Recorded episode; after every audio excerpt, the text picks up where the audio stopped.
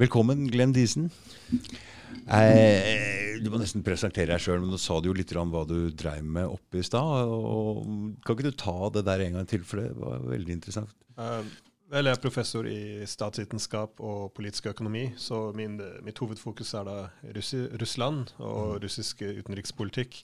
Mm. Uh, hvor, hvor, da, ja, som vi diskuterte tidligere før kameraet begynte, uh, at se litt på hvordan uh, disse ja, forskjellige disiplinene er litt henger sammen. da, Hvordan eh, politikken, eh, politiske økonomien og, eh, og sosiologien alt hen, henger sammen. Mm. Så For du har begynt å studere sosiologi òg? Eller begynt å uh, Ja, det er en del av det jeg ser på. da, fordi mm. du kan egentlig ikke skal, ja, du kan ikke se på hvordan staten klarer å utøve en utenrikspolitikk og den politiske økonomien de har, om du ikke ser på hvordan samfunnet da blir satt sammen, mm. ettersom mm. alt dette da påvirker hverandre. For Da fortalte du en liten greie om hvordan USA hadde glemt akkurat det der. Og, og, og da lagde du ulikheter ikke sant, mellom folket og sånne ting. Så disse tre tingene henger sammen, så det går ikke an å se på de atskilt, egentlig. Ja, nei, det var det eh, eksempelet jeg brukte, at eh, mot slutten av eh, 80-tallet, begynnelsen av 90-tallet, så ønsket jo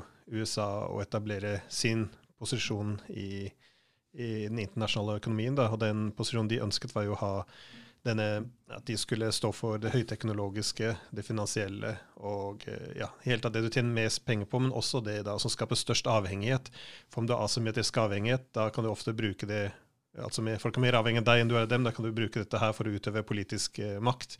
Så, så, det var litt av hensikten. Men, eh, men handelsavtalen da var jo basert på at eh, USA skulle da kunne uh, ja, ha, større innflytelse over utenlandske digitale produkter og finansielle.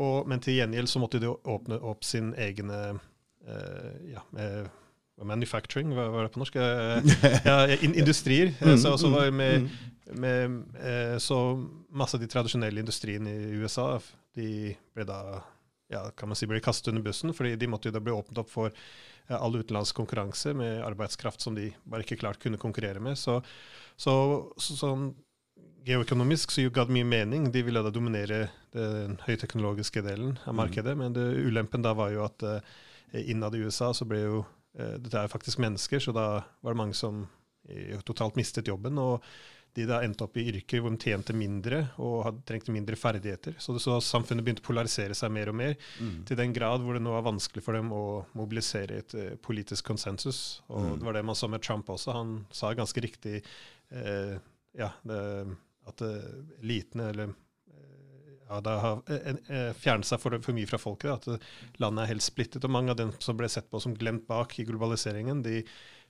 hevdet han hevdet i hvert fall å stå for. Og, og det er sånn da denne ja, Vi ser nå den politiske krisen fortsetter i USA, da, hvor de, mm. de sliter veldig med å ja, eh, definere felles interesser. Om du ikke klarer å ha en felles identitet, felles interesser, så er det veldig vanskelig å utøve makt i internasjonale arena. Så eh, ja, det, For å forkorte det, så er det litt av poenget at du må kunne se på hvordan samfunnet er satt sammen, om du da skal kunne eh, også utøve politisk og økonomisk makt. Mm. For Det sa du noe om i stad også, at uh, det er viktig at et uh, demokrati er litt ensretta, ensarta, ikke sant?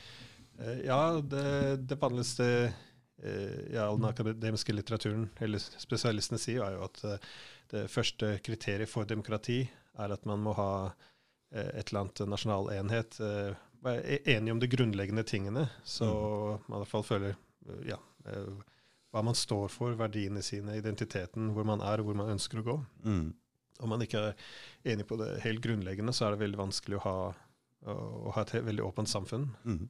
Men den polariseringa som skjedde um, under Trump, den spredde seg litt hit? Uh, og det var jo litt grunnet covid, en, men også føler jeg at media går altfor langt den ene veien. Og det får en del andre folk til å steile helt og se hva er det de egentlig driver med her. For jeg, mener media skyter seg sjøl litt i beina her med å være så ekstreme, mener jeg. Jeg mener vestlige media er ekstreme når det gjelder Russland, når det gjelder Trump, når det gjelder en masse ting. da. Korona. De nekter å ta opp um, Nekter å vise en del ting. Masse er sensurert. Nekter å vise at det foregår demonstrasjoner rundt i mange land. Ingenting her i media om det. Alt dette her gjør at folk ikke stoler på media lenger. Ja, Og media er jo det som skal altså de, Jeg skjønner jo at de har en prøver å ha en slags samfunnsoppgave. Er det det de egentlig har, med å lage det ensretta samfunnet som du prater om? Er det en taktikk, tror du, fra media? Ja, det, det er en tendens til at uh, ja, eller Det kan jo bli sett på som en av oppgavene, men det må også da kunne balansere med, med sannhet. Med, med sannhet ja, for Når mm. folk mister tilliten til media, så går yes. de andre steder.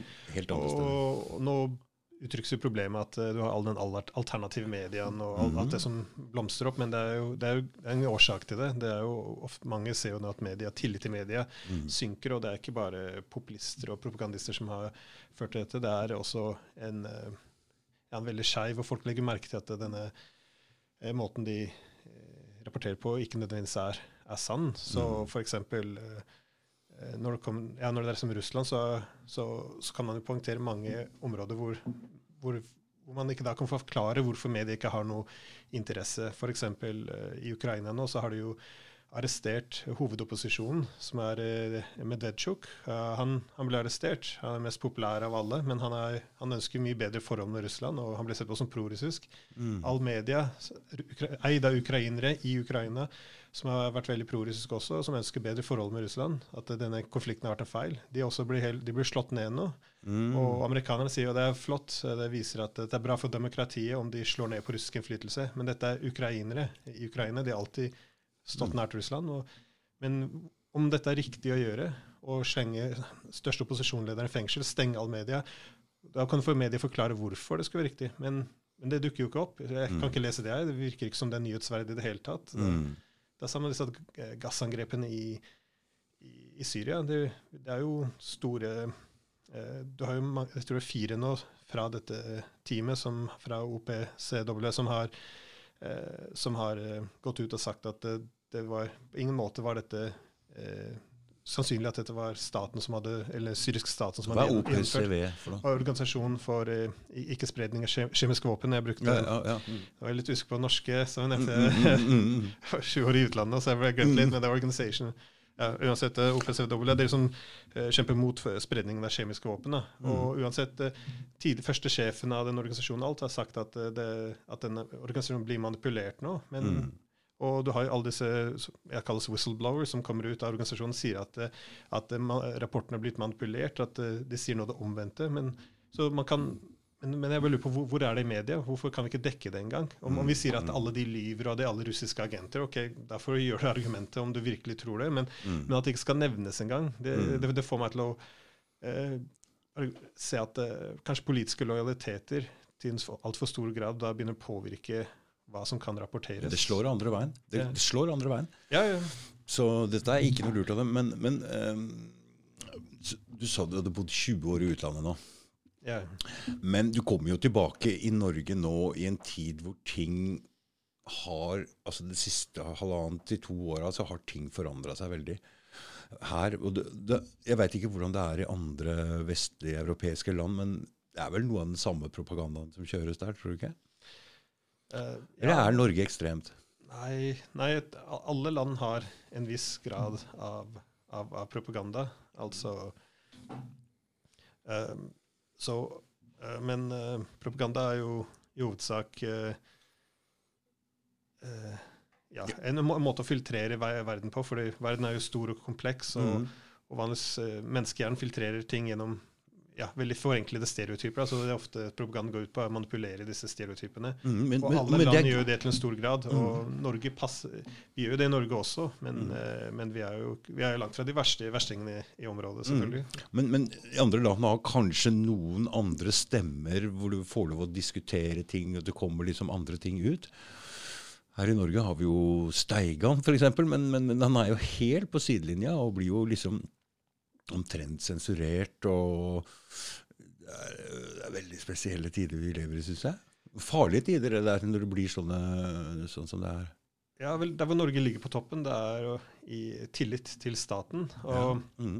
det kan jo være veldig positivt at vi, at vi har et uh, stor tillit mellom folket og staten. Men det kan jo også være en negativ ting når, når uh, om det da uh, om det er misplassert tillit, da, eller om det er ja, om det, om det eh, leder til at vi ikke hører på eh, ja, nok kritikk av staten, eller der hvor de kanskje tar en feil, Mm. eh, feil linje, og vi kan da få eh, ja, gå glipp av alternative perspektiver. Ja, for det er mange her nå som jeg er jo blitt venner med mange alternative folk på Facebook. Og mm, det er jo mange ting som blir tatt tak i her i Norge som ikke er så bra. og eh, Barnevernet er jo en av de tinga. De nekter jo liksom å prate om disse tinga her òg. Så det er mange, mange ting som ikke fungerer ordentlig i Norge, og som jeg syns blir tatt eh, lite tak i og snakka lite om. Og liten vilje til å ordne opp i de tinga. Ja, det er morsomt å være i man bor i utlandet. Man lærer mye om andre land. Man lærer også mye om sitt eget land. Jeg visste ikke hva slags rykte Norge hadde. Jeg trodde alle jeg tror det var ganske positivt, men den med barnevernet er ganske interessant. at uh, Det er det Norge begynner å assosieres nå med. Norge, Mm. oi, er ikke det staten tar barna dine? Så det er nok, det er nok overdrevet til en stor grad. For jeg har hørt uh, folk som har uh, ja, inntrykk de sitter med som ikke virkelig vi virker som. det kan stemme, men, men, men det, det, har, ja, det er et rykte som har bygget seg opp, ja. Det. Og det er jo litt velbegrunna, for det har jo blitt dømt elleve ganger i EMD nå på kort tid. Å oh, ja. Nei, nei. Det, den, det har en helt klar heter rot i sannhet, ja. Det må jeg mene. Men det er jo ikke egentlig det du kommer hit for å prate om. Du er jo spesialist på det russi... Du sa noe rart til meg som, på telefonen her. Sjefen min er rådgiver for Putin, sa du. Og nei, ikke nå. Eh, Nei, det var, nei, i, var. Det var Mm. i, i Moskva. Ja, eh, mm. Og det var eh, Vel, det, jeg, jeg jobbet først Jeg underviste før i Australia, da, på et universitet. Så Mm. mitt fokus var eh, først forholdet mellom Europa og Russland. Ja. Den eh, ja, Hvor vanskelig det har vært. Hvordan kom du borti å bli interessert i det der, Glenn? Jeg, jeg, begynte, jeg hadde egentlig en annen utdannelse. Jeg hadde, eh, jeg hadde ja, master business, og jeg, jeg jobbet deretter ja, innen dette området. Jeg ønsket å da eh, ta opp for meg med russiske språkkunnskaper, ettersom ja, vi har mange felles eh, forretningsinteresser. Men så jeg flyttet til Russland da, til St. Petersburg i var det 2006 for å lære russisk. Og, eh, og da ja, ble jeg veldig fascinert av eh, ja, politikken der. Fordi de politiske narrativene vi har i Norge og Vesten, og de de har i Russland, de snakker om de samme tingene, men de er ikke forenlige på noen måte. Vi sier, forteller helt, to forskjellige historier. Ja. Det er ikke det at den ene sier alt er riktig, den andre er galt, men jeg syns dette skillet, at vi ikke har noe felles historie for å fortelle hva som har skjedd de siste 30 årene, jeg syns det var veldig spennende. Så da bestemte jeg for å ja, begynne på nytt igjen med utdannelsen og så Ja. Uh, ja, eh, gå inn statsvitenskap. statsvitenskap. Mhm. Så det var hele bakgrunnen for at du syntes det var interessant å gå inn i dette her? Ja. Den, den, at det var to helt forskjellige historier? Ja, fordi etter kalde krigen vi, vi, vi fikk jo aldri et forent Europa. Og Europa hovedsakelig vi skylder på Russland, og Russland sier nei, det var eh, Vesten som ville ha et Europa uten oss. Mm. Så det var det som var fokuset mitt. eh, Jeg som dette i Australia som jobbet med, da. Men etter den krisen i Ukraina i 2014 så begynte jeg å endre eh, fokus litt. fordi eh, snak- krisen i ja, i Ukraina. I Ukraina. Ja, i Ja, Ukraina. 2014 Mm, mm, var da mm, du hadde da, statskuppet da. mot uh, Mm, Janukovitsj. og, eh, mm. Og Russland svarte jo med å ta tilbake Krim. Mm. Og for oss, vi fokuserte veldig på at dette var et eh, At vi føler oss bedratt, at dette var, er veldig aggressivt. Men Russland hadde jo sin historie. Dette, de følte seg bedratt. Dette var også veldig aggressivt. Mm. Så det de så på, at det, hele tanken at det var mulig å ha en gradvis integrering med Vesten, var umulig. Så de bestemte seg da for å droppe det de hadde hatt siden Gorbatsjov, som de kalte Stor-Europa-prosjektet. Drømmen om at de, vi skulle da ha et felles kontinent. Mm. Og et større historisk perspektiv så droppet de eh, hele sin vestligsentriske politikk. Da. Det har man hatt siden tidlig 1700-tallet, under Peter den store, hvor de har egentlig sett seg selv og all utenrikspolitikk gjennom Vesten. Og det bestemte oss nå er ny framtiden vår er vi må gå til Østen. For nå er det første gang på flere hundre år også at en ikke-vestlig makt nå, altså Kina, vokser opp. Så, den, så det, er, det er nye prosjekter de tenker seg. da. Så istedenfor å ha Stor-Europa, så ønsker de nå å gå mot Stor-Eurasia. Så Men hva, det, altså jeg som bor her i Norge, jeg tenkte jo egentlig at de var det noe, har det ikke vært noe, Siden begge de to landene egentlig var kommunistiske, var det ikke noe samarbeid mellom Russland og Kina for lenge siden? Jo, men det gikk, eh, det gikk veldig eh, skeis. Det var jo i, ja, i Sovjetunionens eh, eller, ja, de tidligere dagene etter, etter at ja, også Kina gikk til kommunismen. Da var det jo da var det jo ansatt at de skulle være samme ideologi, kommer til å være bestevenner. Men det som skjedde, var jo at Kina eh, de likte ikke å være, bli avfeid som lillebroren til eh, Sovjetunionen. Så disse maktkonkurransen innad i den kommunistiske verden fikk jo eh, skapte jo mye splid mellom de to. Mm. Så, så det gikk allerede veldig dårlig, det forholdet mellom de to landene. Mm. Så hadde jo som sagt USA kom dit på 70-tallet, til Kina. Eh, det var Nixon og Kissinger, og de sa jo eh, De prøvde å bryte Kina vekk fra Sovjetunionen for å da splitte opp denne Mm. eh, ja, Farlige alliansen. den farlige alliansen. Ja, så det var liksom Mm. Kissingers eh, store uh, utenrikspolitiske suksess. da, At han fikk splittet uh, totalt kineserne fra, fra Sovjetunionen. Mm. Men uh, Men, men altså, de må jo vite hva de driver med når de, um, når de presser Russland i, i Ukraina og setter i gang handelsboikotter. Og de presser jo Russland mot Kina, mot et samarbeid der. Ja, Altså, dette må de, altså, de, altså, vi, Når jeg skjønner det, så må jo de skjønne det også. Det er ikke noe verre enn det. jeg, jeg tror det var eh, hvor det rettferdig kanskje misforstå. fordi I alle disse årene når Russland ønsket å finne en integrering med Vesten og bli en del av Europa, så brukte de ofte forholdene sine med Kina eller Iran eller hva som helst i Østen som en slags øke sin egen markedsverdi da, for, for å integrere med Vesten. Så ofte så satt, sitter vi ofte med ideen at ja, ja, ok, den gang når vi velger å slutte med sanksjonene, så vil jo selvfølgelig Russland prøve å forhandle seg tilbake igjen. Men dette er veldig forskjellig, for som sagt, hele konseptet av Stor-Europa har de jo nå til en stor grad uh, gått bort fra. Mhm. Og så, så nå er ikke Kina lenger bare et forhandlingskort. Nå er dette deres mest viktigste partner for å utvikle det de kaller nå for litt Stor-Eurasia. så ja. Så, så, så det er mye som har endret seg, og jeg, jeg tror ikke det helt har gått opp for, eh, for, for alle politikerne ennå. At de tror at Russland venter på Egentlig frykter Kina, de bare venter på å få muligheten til å komme inn i varmen med Vesten. De har veldig klart gått vekk fra det, og de ønsker nå en framtid eh, i det de kaller Stor-Eurasia. Mm -hmm. og igjen, det var, det var derfor jeg, jeg skrev en bok om det jeg kalte Russlands eh, geoøkonomiske strategi for Stor-Eurasia. Så skrev jeg den etter Ukraina-krisen, hvor jeg så på den politiske økonomien Russland burde føre om de ønsker da å, å styrke sin posisjon i verden. Og jeg sendte Sk- Skrev du, den, du har skrevet en bok om hva Russland burde gjøre. ja, eller hva, hva, jeg utviklet en teori om en politisk og økonomisk teori om hva, hvordan land burde eh, ja, hva, hva slags politikk det fører for å kunne styrke det selv. Og, og så så jeg til hvilken grad Russland gjør dette, eller hva de burde gjøre. Og så, så tenkte jeg, ja, for å gi den litt eh, legitimitet, tenkte jeg jeg ber kanskje rådgiveren eh, Putin har en rådgiver, en som heter Karaganov, for eh, utvikling av Stor-Eurasia. tenkte jeg kanskje jeg kan høre om han har lyst til å skrive forordet. Mm. Og så sa han ja, og skrev forordet, og så tilbød han meg også jobb i Moskva. da. Oh. Så, det var, så det, var, det, var, det, var, sånn jeg endte opp å, å, å, jobbe, å jobbe der. Da, for det, departementet hans det jobber bare for Stor-Eurasia. Så kult, eh, Glenn, at du tar tak i en ting og setter deg så mye inn i det at du blir tatt inn der som en Nei, det er Nei, det er eh, Da snakker vi. Da snakker vi. Ja, nei, nei, det er morsomt. Jeg, som sagt, jeg, vi flyttet jo hit til Norge, men jeg jobber jo fortsatt eh, sammen med flere av disse på å utvikle de samme ideene. Så, Mm. så nå for eksempel for andre Så det ble tatt tak i, og fant, de fant det interessant, og du blir bare headhunta til Moskva?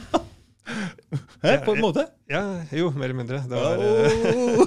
Men det var spennende for meg også, for Ja, jeg satt jo ja. langt borte i Australia og jobber med russisk politikk, så ja, blir man ganske fjernt. Så det var jo en fin mulighet for meg også da å kunne komme til eh, Mhm. Moskva og jobbe med ja, de som har en fot innen mm. systemet. Men du sa du hadde allerede flytta til eh, St. Petersburg i 2003, ikke sant? Ja, 2006 2006, ja. Ja. Mm. Og da Hvor lenge bodde du i Russland da? ja, Det var bare litt et halvt år. Halvt år. For å lære seg russisk og sette seg inn i russisk der, ikke sant? Ja, Mm. Men jeg kom tilbake igjen for å jobbe i St. Petersburg i 2011 og 2012. Mm. Og så flytta jeg tilbake nå i Moskva i 2018, og så 19 og 20. da. Er, liker du deg i Russland? Ja, det er veldig, ja, veldig interessant land. Jeg liker, Mm. jeg lik, ja, jeg liker alt her. Jeg vil anbefale alle å dra dit. Ja. Det endrer seg fantastisk mye. Jeg var i Moskva på 90-tallet. Du, jeg var der i mellomlanda der litt og kjøpte sånne luer Ja. og sånne militæreffekter og bare dro videre igjen. Men var jeg der på 90-tallet og kommer nå, så kommer jeg kanskje ikke til å kjenne det. Det det har endret seg totalt. Altså. Mm. Og du som utlending som snakker russisk og sånn, du da blir du vel tatt veldig godt imot, eller? Ja, eller det er veldig Moskva har blitt veldig internasjonalt, og det er mange utenlandske arbeidere og slikt der. Så det, eh, det virker jo ja, ganske mye som en europeisk storby. Bare Mm. fantastisk stor. Da. Det, jeg tror det er 15 millioner der, så det, ja, det blir veldig mange mennesker. Mm. Hva er det som interesserer deg mest?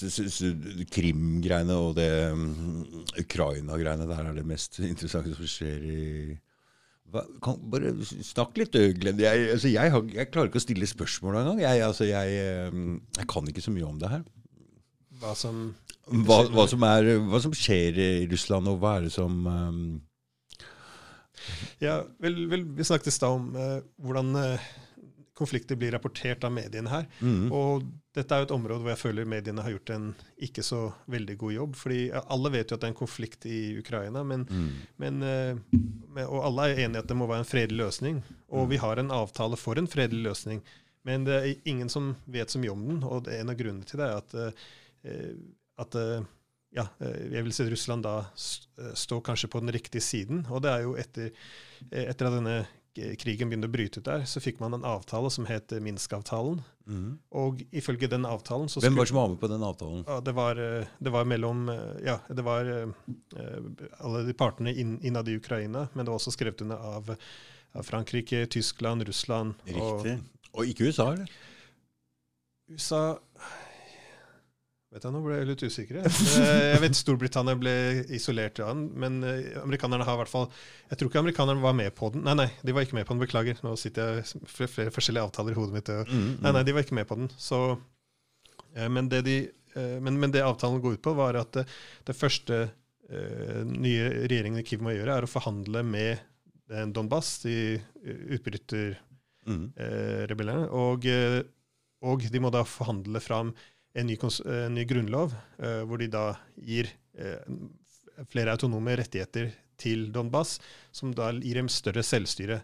Det var første delen av avtalen. Det skal gjøres før noe annet, før Russland må trekke seg vekk fra grensene, før Ukraina får reetablere kontroll over grensene. Det var første poenget. Mm. Det, er ikke, det, det, er veldig klart det er rett fram. Og Ukraina, de ukrainske styrke, eller regjeringene, ikke villet gjøre dette. De har sagt mm. nei, det skal vi ikke gjøre. Mm. Så så, så det, dette er problemet, og det er ganske svart på hvitt. Og i Vesten så har vi ikke ønsket å legge noe press på Ukraina heller, fordi vi har jo alliert oss med ukrainske myndighetene mot Russland. Så, så, så da finnes det ikke så mange løsninger på dette. Og, ja, og vi, vi, rapporterer ikke så mye på dem at, at dette er årsaken til ikke noe endret seg. At de skulle gjøre det på dag én, sier avtalen. Og det er fortsatt ikke gjort noe. Det er gått nå eh, ja, seks år. Det er ingenting som har skjedd. Så, så, der ligger mye av problemet. da.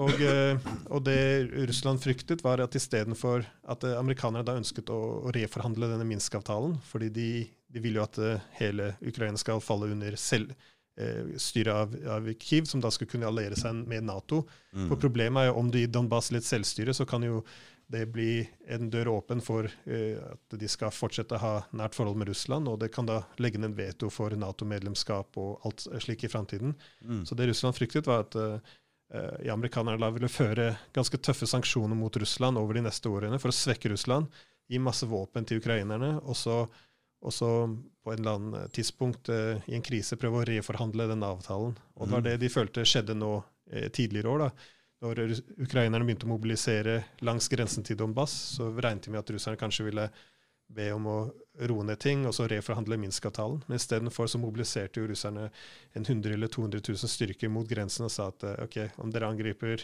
Donbass, så kommer vi til å ta over. Mm. Og som uh, utenriksminister Lavrov sa, det er mulig da at den ukrainske staten i nåværende form ikke vil overleve. Så det var ganske drastiske ord. Det, mm. Når var det? Uh, det var uh, ja, nå blander jeg tiden min. Var det jeg vil si mars, men uh, februar eller mars. Uh, I år en gang? Ja, ja det, var, det, var, i år. Beklager, mm, mm datoen min mm, sitter mm, ikke helt klart nå. Men, uh, så, ja, så det var nå nylig. Mm. Og, men igjen, litt av problemet ofte vi så i mediene, at, at det, det ble ikke poengtert at det var Ukraina som mobiliserte først, ikke russerne. Og for andre så poengterer ikke at, det, at Minsk-avtalen ikke er innfridd. Mm. og det er jo hovedsakelig falt til ansvaret da på ukrainerne. Mm. Så er masse kritikk selvfølgelig kan ha mot Russland. De har jo involvert seg selv ganske sterkt der. Man kan snakke ja, men, ja, men, om folkeretten og alt dette. Alt er greit. Men, men på disse viktige punktene, så, så når, når, når, faktaen ikke ligger i Natos favør, så, så, ender det ofte med at vi bare ja, la oss ikke rapportere på det. Mm. Og det, det syns jeg er ganske uh, ja, kan svekke tilliten til mediene. Mm. For, for de, vil ikke slippe Krim-halvøya? Ja. Å nei, nei. Den, den, eh, nei, nei. Minsk-avtalen dreier seg jo om Donbas. Oh, ja. mm. Krim er den er jo anerkjent av Russland hvert fall som en del av deres territorium. Da. Mm. Igjen, Det er jo også noe man kan uh, diskutere og krangle om. Men, men, de fleste, uansett om man ikke er enig eller ikke, hvorvidt de er forenlig med folkeretten, alt det kan diskuteres. Men, men realiteten er at ingen, no, ingen omstendigheter kommer de til å gi opp Krim. da. Den, for den hørte også til uh, Ukraina? Ja. Uh, ja, det var Vel, det pleide å være en del av Russland før vi hadde Sovjetunionen. Mm. men Sorry. uh, men uh, det var i 1956 at Khrusjtsjov da han endret på de administrative grensene innad i Sovjetunionen. Mm. Så da ga han på en måte Krim han var ukrainer, forresten. Han ga han Krim til, til, Ukraina. Men de var jo del av samme land. Mm. Så når Sovjetunionen brøt opp, så var dette et stort spørsmål. Hva skal vi gjøre med Krim? For det er jo hovedbasen til, til russerne. Og mm. skal de bli kastet ut av Svartehavet? Det hadde jo Eh, vært en katastrofe for dem. Så, så det endte opp med avtale med Leiden. da. Mm. Så, så, presset er egentlig ikke på Krim, men på Donbas? Mm. Uh, ja, det er ikke så mye Men ja, Krim er med i Handlingen? Ja, mm. det er ikke så mye som kan gjøres. Jeg tror, uh, jeg tror de vestlige maktene har lagt merke til Eller de er veldig klare over at Russland på ingen, ingen uh, Ja, det kommer, kommer, aldri til å være på tale å gi fra seg Krim, så den, den det forhandlingskortet ligger ikke på bordet, så, mm. så, det er ikke så mye man kan gjøre med det. Mm. Men det, det, blir litt sånn som Kosovo. det er eh, Russland kommer aldri til å erkjenne at dette ikke er en del av Serbia, og vi kommer aldri til å erkjenne at Krim ikke er en del av Russland. Mm. Så, og, ja. så det er jo litt av problemet også, at vi har ikke helt klart eh, Jeg vil si at det, det, for Russland tar Krim det er veldig problematisk med tanke på folkeretten. Men eh, vi gjorde det samme i 2008. Vi, Norge også eh, erkjente jo at Kosovo ikke var en del lenger av Serbia, så det ble tatt fra Serbia. Og det var jo ikke noe, det gikk, Dette gikk jo stikk i strid med folkeretten. Så da sier Russland ok, åpner det denne Pandoras boks, så skal, så, så, så skal ikke det kun kunne gjelde dere. Da skal vi også kunne gjøre dette. Og, mm. og det er det vi nå ser. da. Mm. Så egentlig, eh, så det er veldig problematisk i mitt, fra mitt perspektiv med folkeretten. Men, men som sagt det er et rimelig argument at uh, skal det ha internasjonal lov, så må samme regler gjelde for begge sider. Så, mm. så, Kosovo ble tatt fra Serbia, og Serbia er litt sånn russisk eh, en, ja, russisk eh, venn. Ikke venn, nødvendigvis alliert, men ja. Russisk folke... et land Ja, historisk har de hatt veldig nært forhold. Ja, ortodokse land. Det, ja, det er mye, mye til felles. da. Så mm. det var jo 99 hvor Nato invaderte Jugoslavia over ja, som, nå er Serbia over Kosovo. Mm. Og så putter vi fredsbevarende styrker der i Kosovo. Og i 2008 så bestemte vi oss for å si ja, vet du hva, nå skal Kosovo ikke lenger være en del av Serbia. Mm. Serbia sa vi støtter ikke dette. Dette er bare to måter det kan være lovlig på. Serbia sier OK, eller det blir akseptert i FNs sikkerhetsråd. Mm. Ikke noe av dette var, var forlov, eh. Og fra 99 Hele mandatet til Nato og i, i Serbia var jo basert på at dette var suverene territoriumet til Serbia. Mm. Men i uh, 2008 sa vi at vi, vi, dropper alt det, vi erkjenner det som et eget land. Og, men dette er veldig unikt, uh, unik case. så det skal ikke, ikke gjøres igjen. Så tydeligvis så, så, var ikke russerne enig med dette. her, da, At vi bare kan si at dette er helt unikt. dere får ikke lov til å gjøre det samme. Så. Men Lagde de en folkeavstemning? sånn som russ, eller De hadde jo hatt en folkeavstemning i den der Donbass og den delen av um, eh, om å løsrive seg fra Ukraina eller følge Russland, eller er ja, det sånt Ja, det var det morsomste. Ja, litt, en, gang blant, sammen litt eh, humor i politikk òg. Det, det jeg syns var fantastisk morsomt, var at eh, når Russland erkjente referendumet i i Krim, at de ønsket uh, uavhengighet, mm. og, da bli, og så forene seg med Russland. Mm. Eh, så gikk jo han Obama opp på en scene, og han sa jo nei, dette er helt tull. Han holdt en tale i, Du kan ikke sammenligne dette med Kosovo, for det var det russerne gjorde. da. Mm. En, veldig forutsigbart. Så sa han i Kosovo så hadde det jo et uh, folkeavstemning hvor alle internasjonale observatører, observatører var der. Det var åpent, demokratisk. Og Grunnen til at det var morsomt, var det var aldri folkeavstemning i, i Kosovo. Det, det, det eksisterte aldri. Nei. Det fins ikke en dato for det, for det skjedde aldri. Da, men han bare Ja, men men, ja, men man kan liksom gå inn og beskrive hvor åpent og demokratisk og fantastisk For dette, denne talen skriver seg selv for det, når det er det vi gjør. Men det har jo aldri skjedd. Mm. Så det, men igjen, mediene skulle ha plukket dette her løst også. Eller hva er det han snakker om? Det har jo aldri skjedd. Men igjen, ingenting i mediene heller. Så mm. russisk medie selvfølgelig skrevet, puttet han på scenen, for dette var jo Mm. hysterisk morsomt at han snakker om ting som aldri skjedd. Men, men som sagt, de hadde, skulle de hatt et referendum i Kosovo, så hadde de helt klart stemt for løsrivelse, for de fleste er albanere. Mm. Og, men det var det samme i Krim også. eh, De fleste er russere eller russiske? ja, som Det er veldig vanlig å si at eh, ja, det, var, at det skjedde eh, mens under eh, nærværet av russiske militære og alt dette her. Men alle eh, som har ført sånne meningsmålinger, kommer jo alltid med de samme resultatene. At det er en ja, hvor mye er det, 85 eller 95% som ønsket å løsrive seg og bli en del av Russland. Mm. Så det er ingen som bestrider eh, at, at de ønsket det. Så Mm. Du, hva er det for noe spennende du skrev i den boka di som gjorde at du ble headhunta til Moskva? Kan du gi en sånn liten eh, kort eh, sammendrag av det? Hva, hva slags eh, ja, Klarer du det? Ja uh, Kort, det blir en hel bok. eh. Vel, eh, jeg identifiserte litt av problemet med forholdet mellom Russland og, og, og Vesten har jo vært at eh, ja, som sagt tidligere, eh, økonomisk makt eh, kan konverteres inn til politiske politisk makt, og det vil da se, må se på hvor symmetrisk økonomisk avhengig er, avhengighet er. Så f.eks. om eh, ja, Russland mye mer avhengig av Vesten enn Vesten er av Russland. Så da vil jo det si at Hvorfor? Ja, fordi vi har eh, Ja, du kan eh, ta det inn i forskjellige kategorier. Det første vil være vi har med høyteknologiske produkter som skaper eh, avhengighet. Vi, har, eh, vi kontrollerer de fleste transportkorridorer. Vi har eh, valutaene som brukes i handel. Vi har, du, handel, vi har banken. Vi, har, ja, vi, vi hadde alt sammen. Da, så Russland la alle kortene sine bare i Vesten. og dette var det vanskeligste forholdet de hadde, og de var veldig avhengige av oss. Så de satte seg selv i en veldig vanskelig situasjon. Og i en slik situasjon så ønsker du enten ha mer strategisk autonomi, det betyr kontrollere eh, ja, har, har mer autonomi innen eh, dine egne teknologier, kontrollere din egen transportkorridor og dine egne banker, din egen valuta og slik.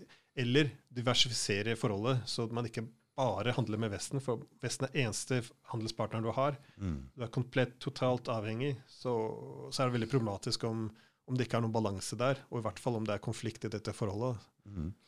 Men når du prata om det der det mm, banksystemet, det derre penge... Det der hva, internasjonal handel, valuta er det, Hva er det heter for noe, det, Ove? Det 10 ECP, hva, hva er det for noe? Han følger ikke med, han der. TIP. Ja. Mm. Jeg vet ikke. Men, men eh, at de må handle i den internasjonale valutaen som favoriserer USA at, eh, Jeg tenkte ikke på dollar, men det er sånn Jeg roter meg ut. Nei, jeg, jeg, jeg veit ikke hva jeg snakker om. Ja, eller eh, eh, ja, så, så, så mye av maktpolitikken kommer da fra økonomiske midler. Så f.eks. Uh, etter andre verdenskrig så kan du si eh, USA skapte en, på en, måte, en global eh, økonomisk region, i hvert fall den kapitalistiske verden under sin kontroll. Fordi de kontrollerte at, etter krigen eh, alle de høyteknologiske industriene. De kontrollerte alle de maritime transportkorridorene rundt i- rundt i verden. beklager. Eh, og de kontrollerte verdens reservevaluta og eh, hovedbankene. Så de på en måte kontrollerte alt dette her. Og etter kaldkrigen så ble dette nesten globalt. Da. Så det, så det USA klarte å gjøre, putte de tre største økonomiske regionene under sin kontroll, som er Nord-Amerika, Vest-Europa og Øst-Asia. Så det Russland nå håper på å oppnå i partnerskap med Kina, er å skape det de kaller Stor-Eurasia. Det vil da si å, å koble seg av det amerikanske økonomiske arkitekturen. altså bygge felles eh, høyteknologiske industrier med kineserne. Skape helt nye transportkorridorer, som er dette eh, hva heter Belt and Road-initiativet for kineserne, som de har puttet nå ja, trillioner av dollar i. For nye transportkorridorer, og så bruke sine egne valutahandler. Utvikle egne på. Mm. banker, så, og, og, og så koble seg av det amerikanske. Og dermed prøve å integrere økonomiske regionen av Asia og Europa mot en storregion. Og da kutte amerikanerne ut. Så det er der mye av eh, ja, strategien går mot. da. Så, Mm. så jeg tror ikke det er helt oppfattet, for ofte så leser man i avisene virker det som vi venter på at uh, russiske stridsvogner skal rulle inn i Warszawa, eller noe sånt, men det er ikke der problemet ligger. Utfordringen ligger jo nettopp i at eh, det er mye av dette økonomiske samarbeidet nå som skifter denne symmetrien i forholdet eh, ja, mellom flere av disse stormaktene. Så Så, så det du skrev i boka di, det er i ferd med å skje, egentlig? ja, ja, ja det, var, eh, det var en fin eh, bok for, for å ha eh, ja, eh, mange av de forventningene gikk, gikk slik, slik hadde ventet. Så det er ikke det at det er noen Går, går de bort fra olje Nei, jeg mener den dollar som internasjonal valuta, eller de, de andre? Rus, Russland og Kina? Ja, men det ganske, men det er en læringskurve der. Det tar en stund å, å få gjort det, men, de begynt, men det er ideelt å gjøre det mellom de to. fordi Russland er verdens største eksportør av energi. Kina Mm. er den største, største importøren. Så det første nå steget er å, å ja, gjøre energihandel i, eh, i egne valutaer. Og så overføre det til andre industrier, og deretter prøve å trekke inn andre land også. Og du ser allerede at dette skjer. at uh, Russland er en, men da går de bort fra dollar? Ja. Det er jo en katastrofe for USA. Å, ja, ja. Det er, eh, det er ikke noen annen måte å se på det. Så For de har jo satt seg sånn endeløs gjeld og trykka opp den dollaren kun på det grunnlaget at det er internasjonal valuta. Sånn er det ikke? jo, jo. Og de har en av grunnene til at de kan eh, ha slike store handelsunderskudd nå også, og skylder så mye penger, er nettopp fordi de kan, de kan jo printe denne reservevalutaen. Men eh, det er også når, når de går mer og mer inn i gjeld, så, blir det vans så mister du mer og mer tillit til dette systemet også. Mm. Så eksempel i, i 2008 så det var da kineserne tenkte nå må de finne på noe nytt, fordi da var den globale finansielle krisen. Mm. Og det amerikanerne til stor grad sa til kineserne, var jo dere må låne oss mer penger. For vi, vi fikk alle disse problemene, for vi lånte for mye penger og brukte dem alt. Så nå må vi komme oss ut av problemene og låne enda mer og bruke mer for å gjenstarte økonomien. Og, og så- Kineserne lånte USA penger? ja, kineserne eksporterer til, til USA sine produkter. Amerikanerne låner penger av kineserne. og så kall, det, det er den gjensidige avhengigheten de refererer til. Da. Men eh, man kan jo forklare til en tolvåring hvorfor dette er ikke går til varer. vare. Det er ikke, bare, Du er låner penger av dem for å kjøpe varer av dem? Ja. Så, så ja, i enkle ja, skal man putte men, men, men litt av problemet var at amerikanerne sa veldig klart til kineserne det som kunne bli tolket som utpressing, er at de må låne oss mer penger. Så betaler vi ikke. Eller, så må vi printe dem selv. Og med andre ord, printer du mer, så blir jo hver dollar verdt mindre. Så Mm. enten så låner du mer til oss, eller så ødelegger vi den investeringen de allerede gjort i oss. Mm. Så på det tidspunktet at kineserne begynte å tenke mer at eh, ja, vi har blitt for store for å bo under denne amerikanske modellen, og vi må begynne å bryte litt løst. Mm. Og det var da også eh, russerne sa at eh, oi, her har vi kanskje en eh, partner, for dette er jo første gangen nå på flere hundre år at eh, det, det finnes en, en partner som ikke er et, en vestlig makt. Da. Mhm. Så nå kan de endre sitt forhold med, med Vesten. Og det eh, Og eh, eh, ja, og- og som sagt, så snart de begynner å alliere seg nærmere Kina, så forandrer det jo hva hva alle andre land, hvordan de ser på Russland. fordi ingen, Det er veldig mange land som ikke ønsker at Russland skal bli for avhengig av Kina. For da må jo russerne begynne å følge litt av politikken til kineserne òg. Så det første Japan gjorde, var jo å begynne å jobbe mer og mer økonomisk med eh, ønske, Si at de ønsket å jobbe mer økonomisk med Russland, så de ikke skal alliere seg bare, med Kina. Sammen med India. De ønsker å jobbe mer og mer med Russland nå, så de ikke skal gå for nært Kina.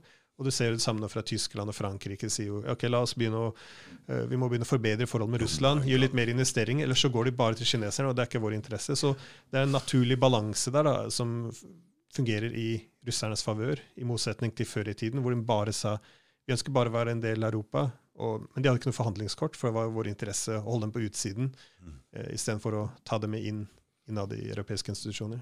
Så det med den internasjonale valutaen ligger egentlig midt i problemstillinga her. Fordi USA begynner å bli desperat. Hva, hva, du, hva slags konsekvenser vil det få hvis dollaren faller som internasjonal valuta?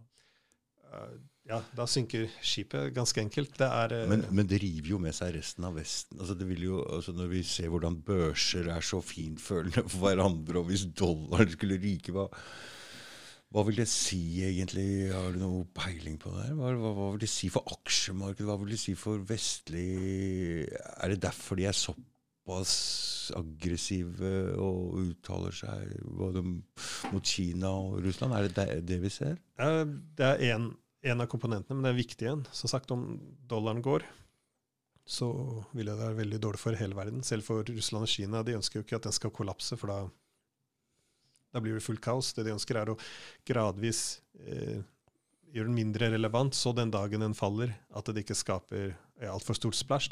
Mm. Så, eh, men, eh, men, eh, men, det, men, det, er jo helt klart et stort problem. Og, og litt av problemet nå i USA også, de har mer og mer økonomiske problemer. Så neste økonomiske krisen som kommer, kan veldig lett bli en krise om valutaen deres. Og da, og da har man et, et veldig stort problem. For akkurat nå så ja, printer de penger som om det ikke var noe i morgendag. Det, mm. Så det går ganske hardt for seg. Ikke var noe morgendag, ja. ja men, men, som sagt, det går inn til disse tre kategoriene. Det første er strategiske industrier. Som sagt, det vi snakket om før, eh, hele internasjonal fordelingen av arbeid var at USA skulle oppfinne iPhone, og uh, kineserne skulle putte den sammen. Nå ser du at uh, kineserne har klatret opp i gradene, da, så mm, nå, mm, mm, nå konkurrerer de direkte med amerikanerne på de høyteknologiske produktene. Så det er første problemat problematikken. og Derfor amerikanerne går etter kinesiske, disse høyteknologiske selskapene. Altså, Jeg har jo kjøpt en Jeg klarer ikke å lese det. Ja, SIFT, det var det jeg skulle si. Men um, um, jeg har jo kjøpt en Huawei. Ja. Den P30. Så kjøpte jeg en P40 òg. Og den er jo boikotta med Google og alt mulig. Så ja. der sliter de jo litt. Og det er det du prater om, ikke sant? At de tar spesielt? Huawei? Huawei. Ja, ja. Jo, jo, så, så det, de, går jo etter disse, uh, ja, disse direkte konkurrentene. også, men det bare oppfordrer jo både, nei, både kineserne og russerne til å koble seg raskere av. Det, mm. Ikke være mindre av, for du ønsker ikke å være avhengig av høyteknologiske pro produktene til et land som ønsker å ja, grave deg ned. Så, så de, jo, de, utvikler helt sine egne plattformer. For eksempel. mm. Det er også Russland. Mm. Eh, går det dit, eh, Google, Facebook, eh, Amazon Disse er ikke de største leverandørene. De De har eh, egne plattformer for alle sammen, som er mye mm. større. Bedre karttjenester der enn Google har, og alt, alt slike ting. Mm. Så, så, så, de ønsker å ha dette et helt parallelt system. De ønsker å ha så hadde du Google, Facebook og alt mulig sånn? Det er like bra? Ja, det er Yandex. Det er den største i Russland. Ja, de, ja. så, så, de har koblet seg av. De begynner å koble seg av mer og mer. Skape sin egen ja, eh, teknologisk autonomi. Da. Så, uh, og Før så var det ganske urealistisk, for Russland har ikke denne kapasiteten. Men i partnerskap med Kina så går det veldig fort framover. Så nå mm. begynner det å koble seg av alt som er amerikansk. De bygger til og med eget kinesisk og russisk internett nå, som kan kobles av den andre. Altså de, så fra bunnen opp så, så, begynner hun å skille seg fra alt som er amerikanske produkter. Så, så, men med dette her bildet her nå, så skjønner jeg hvorfor um, Jens Stoltenberg er såpass desperat i, og Nato kjører såpass hardt mot Russland, og vi bare blir hjernevaska her. Men de vil ha en konflikt. Eller det, det kan jo ikke bli noe konfliktkrig her? Det kan det vel ikke bli? Ja, men man skal ikke si det. Det, det, det er mulig at det kan spilles de, ut. Hvis de blir såpass desperate, så vil de bruke militærmakt, tror du? Ja, det kommer an på. Direkte hadde vel vært veldig problematisk, så ønsker ikke å ha krig mellom atommaktene. Mm. Men eh, man kan jo, men land er villig til å større risiko når det er mer eh, eh Når de ser at de eh, er i ferd med å tape. Så, mm. så, det som bekymrer USA nå, er at de, eh, som sagt, de ser jo at eh, innen det høyteknologiske at såkalt eurasiske eller ledd av Kina begynner å ta over. De ser intrasportkorridorer. ser de også at eh, Kina begynner å Og Russland gjennom Arktis. altså nei, internett? Nei, nei ja, transportkorridor med altså mm. Ja, ja, frakt, eh, hvordan man kan bevege seg rundt. For som sagt, USA har jo kontrollert alle verdens hav, men nå kommer Kina og begynner å dytte ut i Sør-Kina-havet og ta kontroll der. Mm. Russland skal bygge ut Arktis med kineserne, og gjennom hele eurasiske kontinentet, fra Europa til Kina, så begynner å legge på plass uh, hva, mener du de kontrollerer, hva mener du at de kontrollerer uh, at de, de, får jo lov å kjøre handel der? Altså de ja, eller det som kommer ofte fram blant politikere og mer i media i USA, eller i, i akademia, er jo om, om, de noen gang skulle hatt en krig med Kina, f.eks., så kan du bare stenge den uh, Strait of Malacca, uh, som ligger nede ved uh, Malaysia der, og Singapore. Og stenger du av den, så de kan jo bare stenge det, kan de? De har jo krigsskipene. De, de, kan jo stenge så mye de vil. Det, og, da, og, det er da de og, da, og da, det vil jo da kvele Kina, og det vil jo etter hvert da Kinas økonomi og deretter militær kollapse. Så, så, og dette er veldig vanlig. det er alle, i hvert fall Fra tyskernes side, hver, hver eneste storkrig de har vært i, så jo, blir jo havnene deres sperret av, og så kan det sulte i hjel befolkningen. Så å kontrollere havnen har alltid vært veldig strategisk. Mm. Så dette har også, også, vært en historisk utfordring for, for Russland. Eh, nettopp det å kontrollere havene. Det er sagt fra på tidlig 1700-tallet. Det var da Peter den store tok eh, eh ja, eh, la, jeg tok en posisjon i, på det Balt, eh, Baltiske havet, var det på Østersjøen? Mm, ja, ja. Østersjø. Mm. Og da etablerte St. Petersburg der. Det var, det var, da de fikk reetablert seg etter flere hundre år med tilgang til havet. da. Ja, hvem var det som hadde kontrollen der før? Ja, det var svenskene. Svenskene. Alle, ja, ja, mm. ja, ja så, mm. men, eh, men, som sagt, Russland ble jo invadert De, de, de, de, var før i tiden bare for en ja, ja, det pleide å være en vanlig, ganske vanlig europeisk makt, med andre ord. De var basert, Sivilisasjoner deres var basert i Kiev, og langs havene. De hadde eh, eh, ja, kontakt med vikingene. Alt det var en liksom maritim europeisk nasjon. Mm. Men da på 1200-tallet så kom jo mongolene og invaderte, og de forsvant da i stor grad fra det europeiske kartet da, til 1500-tallet, når de begynte å, å, å ja, ja, på slutten av 1400-tallet, når de frigjorde seg, og på 1500-tallet så begynte de å ekspandere. Uansett, de forsvant fra Europa nå i flere hundre år, og så plutselig nå ikke nå, plutselig da, så fikk de etablert seg tilbake i Østersjøen, og da fikk de tilgang på hav. Mm. Og et, som britene var ganske åpne om, helt siden den tiden, de neste 300 årene, så var jo strategien da mot Russland og nekte dem tilgang til havet. Så pass på at uh, de kan kutte seg. Og amerikanerne har også ført den samme strategien. Mm. Og det er på begge sider. Da. I, I, Europa så passet de på at Sovjetunionen da, og Russland ikke kunne komme seg ut fra, fra uh, ja, ut gjennom havene. Uh, at de hadde mulighet til å kunne skjære dem av der. Og det samme var da ført i Asia. De har to Det kalles havøyer på utsiden av Kina, mm. som da som da på en måte fungerer som en slags Port? Blokade. Så de kan stenge? Ja, ja. Mm. ja. Mm. Så, så, det de kalte det containment policy. Ja, det, var veldig, mm. det, var jo veldig åpent, det eh, Washington sa også. Dette er deres containment-måte i, i Stillehavet. Så, så, de har vært på begge sider nå. Og det russerne ser at dette er fortsatt nå etter, etter, den kalde krigen. Det betyr Nato beveger seg inn i Svartehavet og begynner å si dette er på en måte en Nato-hav. Mm. Beveger seg oppover Østersjøen, inn i baltiske landene, så de kan kutte av russerne. Og nå det siste som påvirker oss mer, er at uh, amerikanerne begynner å uh, utvikle flere baser på norsk jord for å da kunne avskjære russerne i Arktisk-havet. Så, mm, så, så, havet er veldig, ja, havet, er veldig ja, havet, havet, er viktig. Det. ja, ja. Det var, jeg har jo skjønt det, men jeg, jeg visste ikke at det var sånn spill. Ja, det var en av de store tingene som skapte mye konflikt på slutten av 1800-tallet, var jo nettopp det at russerne begynte å bygge ut jernbaner utover hele Eurasia. og Det nådde helt fra Moskva til Vladivostok i Stillehavet.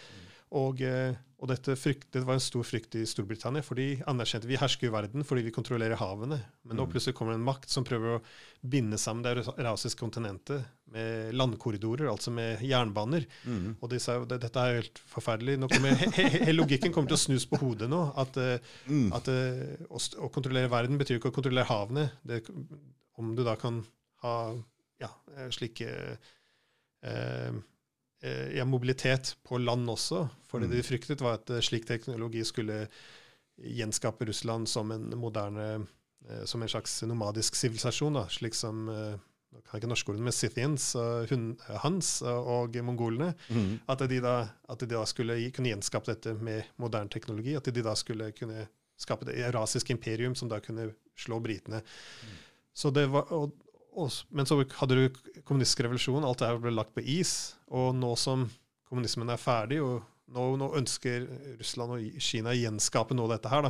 Mm. Det er derfor kineserne pumper eh, nå trillioner av dollar for å bygge eh, korridorer gjennom eh, rasisk kontinentet, istedenfor bare å bruke havene da, for å binde seg nærmere eh, forskjellige mm. land. Mm. Så transportkorridorer er et ganske sentralt komponent. Så du har strategiske industrier, du har transportkorridorer, og du har finansielle instrumenter, slik som banker og valutaer. Og de går etter alle tre samtidig. da. Mm. Så, så, det er ja, så det er mye drama på gang. Det, det er mye drama på gang, ja. Og, og det, dette, det, dette, årsaken her får jo ikke vi noe særlig informasjon om. Vi får bare peke på hvor slemme Russland er i, i, i Ukraina og sånne ting. Men det er ikke det som ligger bak. Nei, det er noen de har, Det er helt andre ting. Det er store planer på vei. Eh, Mm. Jeg argumenterer ofte at eh, med tanke på militærmakt så har Russland oppført seg til en stor grad som en status quo-makt. Men innen det politiske og økonomiske så er de veldig revisjonistiske, da, for da ønsker de å skape et helt nytt eh, økonomisk arkitektur utenfor eh, amerikanernes kontroll. Men eh, ofte så får vi det litt på hodet. Vi, vi tror at russerne bare ønsker å, å integrere seg mer i en amerikanskledet økonomi. og e- Egentlig trusselen kommer fra at russiske stridsvogner skal rulle over grensen. Da.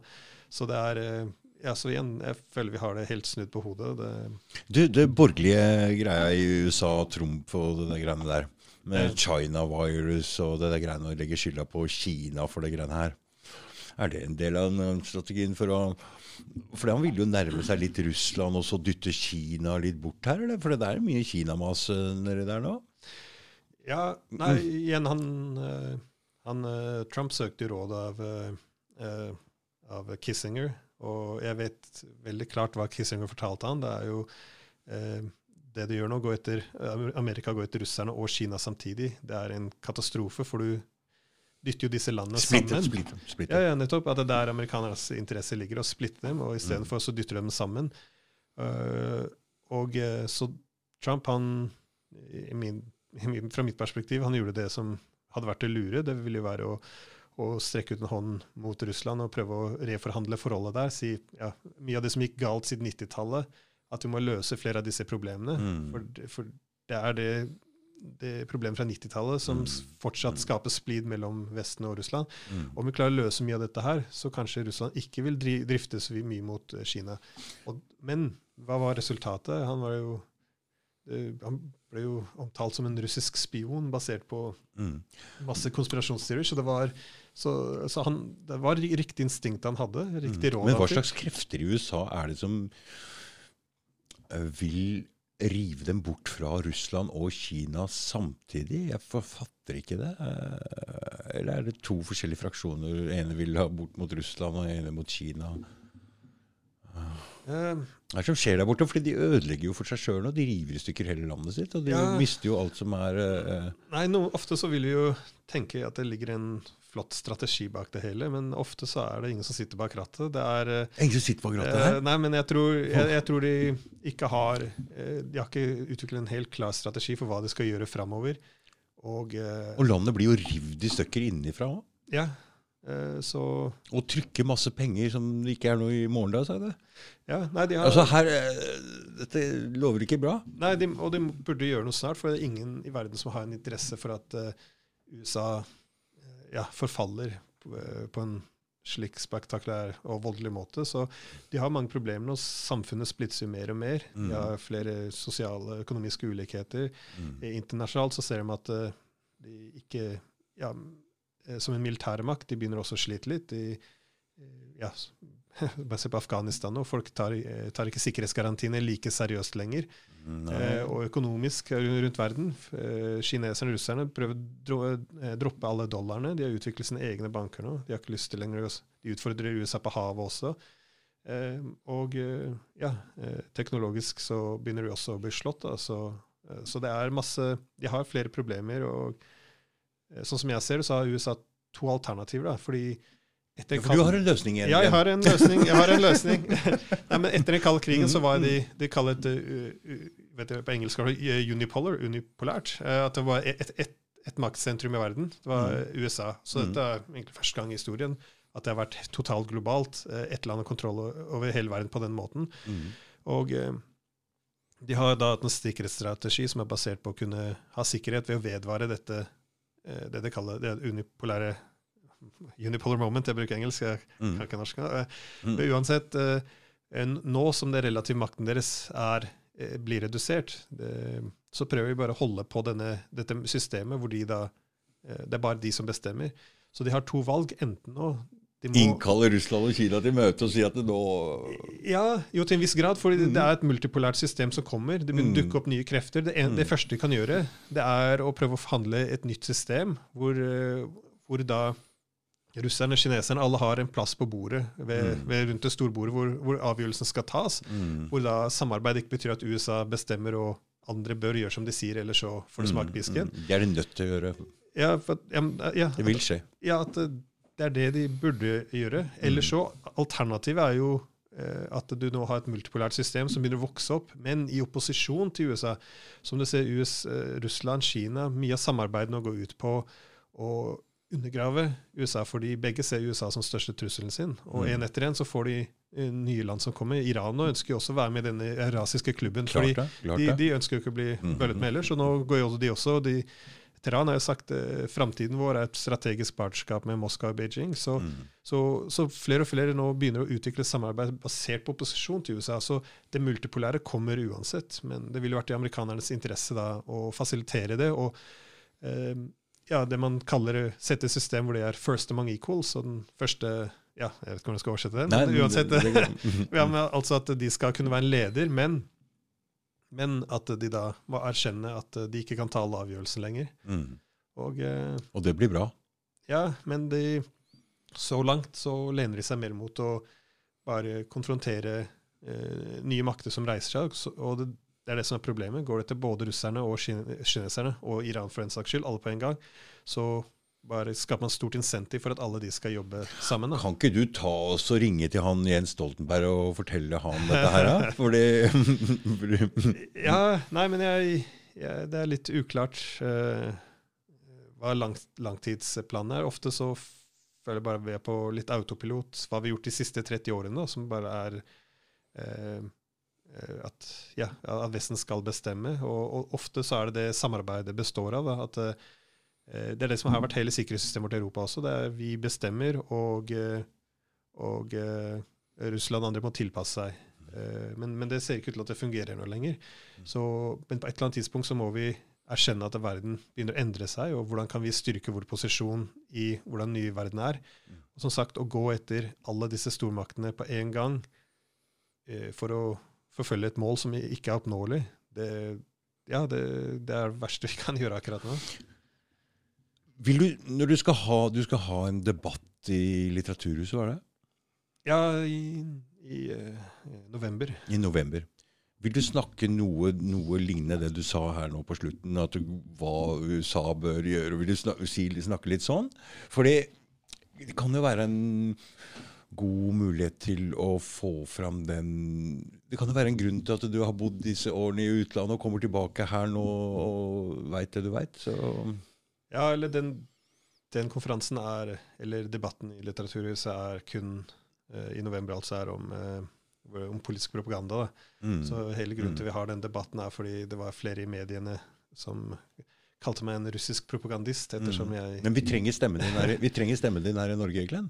Ja, men eh, det syns jeg er greit med flere stemmer. Om, om mitt argument ikke, ikke holder opp, så burde man kunne ha en debatt. Si nei, Glenn, derfor har du feil på dette, dette, dette. Mm. Og om jeg ikke klarer å forsvare argumentet, da ok, da er ditt argument sterkere, og da kanskje da har vi fått noe ut av dette her. Men det å bare si ja, vi burde ikke høre på deg fordi du er for vennlig mot Russland, eller du er litt for forståelsefull Mm. mot Kreml, så, så, er jo, så tror ikke det er vår, vår interesse. For vår interesse som nordmenn burde være å, å øke vår egen sikkerhet til st- størst grad som mulig. Og jeg tror å bare øh, ja, putte det Holde eh, er godt uh, analogi her, å holde øynene, ha blinde folk for øynene og, bare håpe at alt går bra. At dette ikke er nødvendigvis eh, den beste strategien. Mm, Mm. Ja. Men, uh, Det er um, men igjen, mitt, mitt hovedargument som han reagerte så mye på han i jeg tror det var Dagbladet som Men tror du han er villig til å ta en ordentlig vanlig debatt? Han, du er jo professor, og du er jo vant til det der og du, som, disputt og det greiene der, og hvordan man gjør dette på en ordentlig måte. Men kan en journalist det der? Ja, det kommer an på. Ofte så, det kommer på som hensikten med en debatt. Om vi har en debatt, så ofte hensikten skal være at vi skal være, kunne kartlegge hvor vi er enige, hvor vi er Mm. uenige, og Mm. hvorfor vi er uenige. Mm. Og kanskje alle får noe ut av dette her. Mm. Men, eh, men ofte så ønsker jo Om det går i en slik debatt, og hensikten din er å prøve å sverte den andre siden, så Mm. ofte ja, Det det, blir vanskelig. det blir sånn Mm. skittkasting, Mm, og du mister litt av hensikten sin. For det er ikke alle som kan det å ha en vanlig ordentlig debatt eller diskutere. Det er ikke alle som ser på det på samme måte. Ja, nei. Det, og, og, og mitt, mitt perspektiv er bare at eh, Ja, vi får svar. Å, jeg tror det var telefonen din. Nei, det er isbilen. Kommer i gata her og drar den der eh, sangen sin. Det er fordi Fra mitt perspektiv, det som har gått galt i Europa, var jo at vi ikke har et felles europeisk eh, sikkerhetssystem. Og igjen, vi, en god stund så beveget vi oss mot det. Det var jo, I 1975 så hadde vi det som kalte Helsinki-avtalen, som var grunnleggende dokumenter for samarbeid i Europa. Dette skapte mye tillit, og etter det så, skap, så begynte Gorbatsjov på 80-tallet å, følge det han kalte felles europeisk hjem. Drømmen om at vi skulle kunne ha felles institusjoner. Vi kunne ha forskjellige ideologier, men slutte å ikke, ikke uttrykke dette her i, i militærmakt, og, og, og, få slutt på det som kalles zero sum, at det, det som øker sikkerheten til én, undergraver sikkerheten til andre. Og etter dette her så ble jo kalde krigen eh, erklært over i 1989. og og så I 1990 så hadde vi dokument for nytt nye Europa, hvor det ikke skulle være mer dellinjer. Og så hadde vi en ny organisasjon i 1994 som sa at dette skal være en ny organisasjon for Europa, som er inklusiv av alle landene. Men plutselig så droppet vi dette her, og istedenfor så skulle vi, nye Europa skulle organiseres av EU og Nato. Og argumentet var jo det mer demokratisk og ja, bla, bla. Så uh, helt greie argumenter, men, men problemet som vi må erkjenne, er hva er det som skjer når vi skal ha europeisk integrering som skal inkludere alle land, bortsett fra Russland, det største landet. Og det er det som er litt av paradokset når vi sier europeisk integrering. Det vi sier er eh, Georgia, Ukraina, Moldova, Hviterussland Alle disse landene må splittes fra Russland, det største land på kontinentet, og integreres mot oss. Mm. Og dette, dette, er europeisk integrering. Eh, det er det samme han Bresinski i USA argumenterte. Samarbeidet mellom Tyskland og Russland er største trusselen mot europeisk integrering dette er jo de to store maktene i Europa. Det, mm.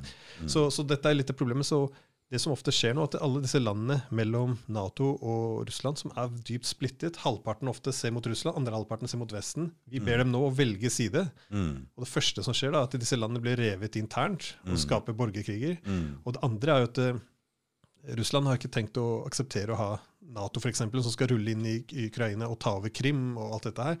Så så det blir sett som en eksistensiell trussel mot dem. Så de kommer også til å reagere. Så du har disse konfliktene nå som mm, sprer seg. Så Du hadde Georgia 2008, du hadde Ukraina 2014. Hviterussland nå? Ja, du har litt kaos i Hviterussland, og vi kommer sannsynligvis til å ha en konflikt i Moldova også, om det fortsetter samme, i samme retningen.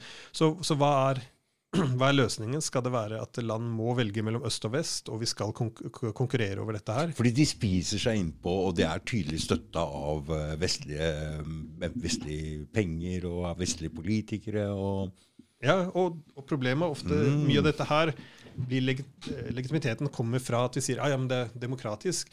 Men det er ikke det. Vi har jo akkurat tatt hun opposisjonslederen opposisjonslederen fra, fra Hviterussland. Hun heter Svetlana Tikhanov ja, Tikhanovskaja. Mm.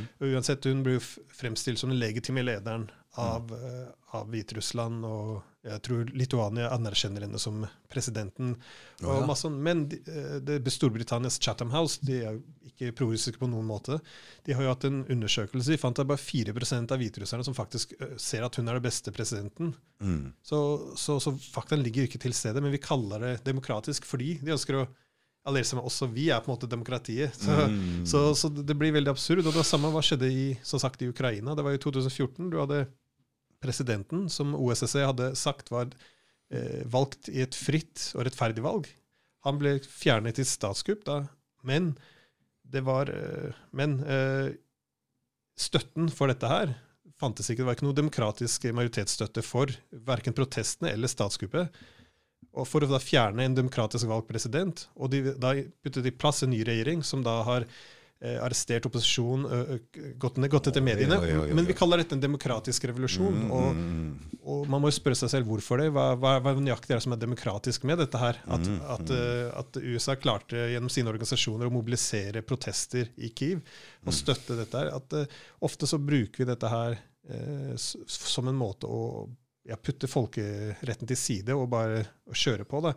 Så, så, dette vil jo fortsette å skape problemer innad i Ukraina. Det vil skape konflikter med Russland, og på ingen måte er dette demokratisk. Så man må jo spørre seg selv er dette beste løsning for Europa. Kan vi ikke erkjenne at vi må vi trenger ikke nødvendigvis ta Russland inn i Nato, men vi må jo erkjenne at disse skillelinjene i Europa at det er en stor kilde til konfliktene. Hva skal vi gjøre med det?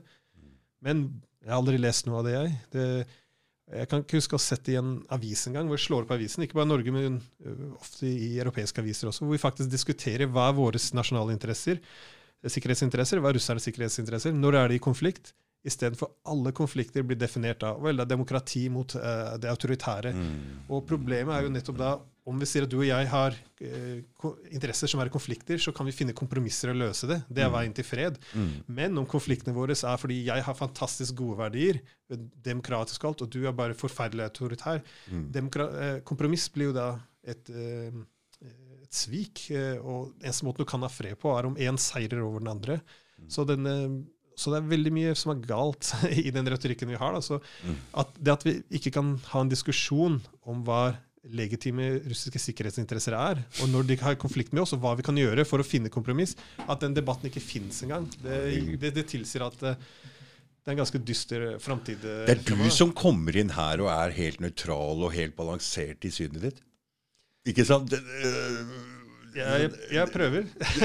Det, jeg ser det. Men så blir du kalt for russisk propagandist, altså. Ja, det, ja men, eh, men som sagt jeg, Så spesielt. når, når, det, når, det, når det skjedde, så begynte jeg å bli litt bekymret. Ja.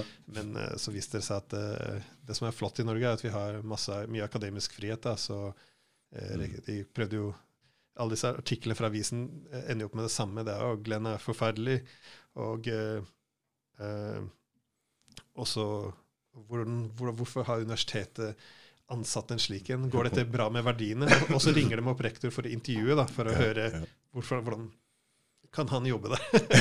så det er bare veldig opplagt hva det er ute etter også. Og, Mm, Men mm. eh, Men er de ikke klar over hva slags øh, hvor Nei, fy faen. Vi mangler, øh, vi mangler å snakke sammen. Vi mangler å ha et debattforum, et eller annet, hvor sånne ting kan snakkes om.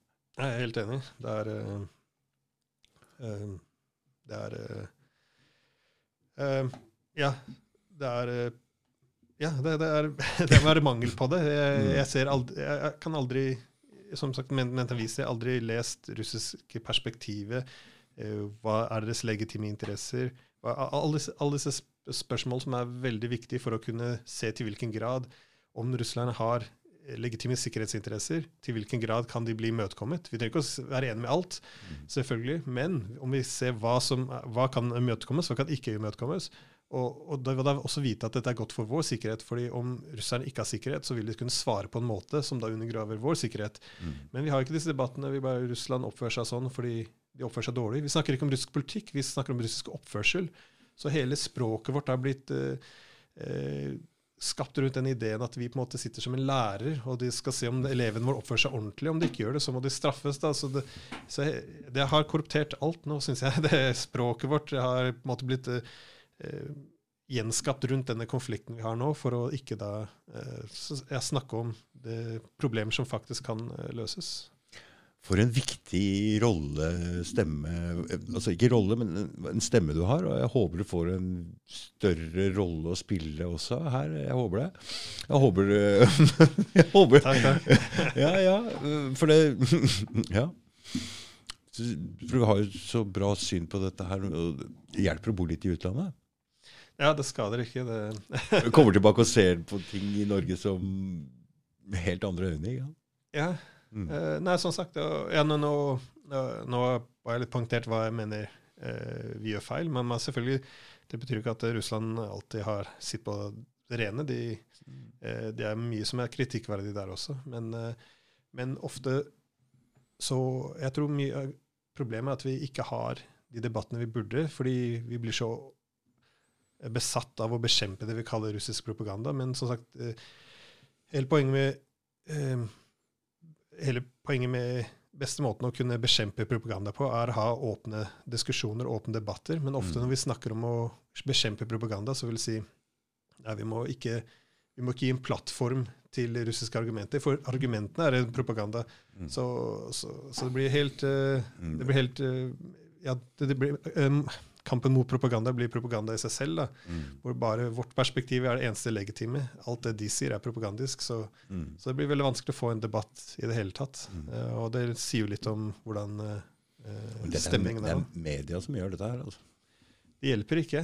Det så Nei, som sagt, jeg I, i mitt perspektiv så, så eh, Så jeg har de låst seg inn i et sånt narrativ hvor de da ikke klarer å komme seg ut av, hvor de ikke kan forklare mange ting. Ofte når de ikke kan forklare det, da bare sluttes det å rapporteres på.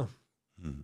Og igjen, hele, hele argumentet vårt nå er jo at vi må styrke Nato og alt dette mer for å gå mot en ekspansjonistisk Russland, men Ekspansjonistisk Russland? Altså bli mindre og bli angrepet fra alle småspist innover fra alle kanter? Ja, det, men det er et veldig godt poeng det du sier her. Fordi, fordi ord, ordene selv de har jo mening, og ekspansjonistisk I min mening, Russland kan ikke kalles ekspansjonistisk, fordi eh, i min mening så har det i stor grad vært en status quo-makt. fordi etter den kalde krigen eh, så er det jo Vesten som har sagt vi ønsker å skape et nytt Europa uten Russland. Mm. Så det er Nato som ekspanderer. Det er mm. Nato som har disse humanitære intervensjonene som veldig eh, som alltid eh, eh, ligger opp mot eh, våre strategiske interesser. Mm, ja. så det jeg ofte poengterer, er at eh, de, de, de, de, gangene Russland har brukt militærmakt, så har det alltid vært for status quo-makt. De, gikk inn i Georgia i 2008 etter at uh, Georgia angrep uh, Sør-Ossetia.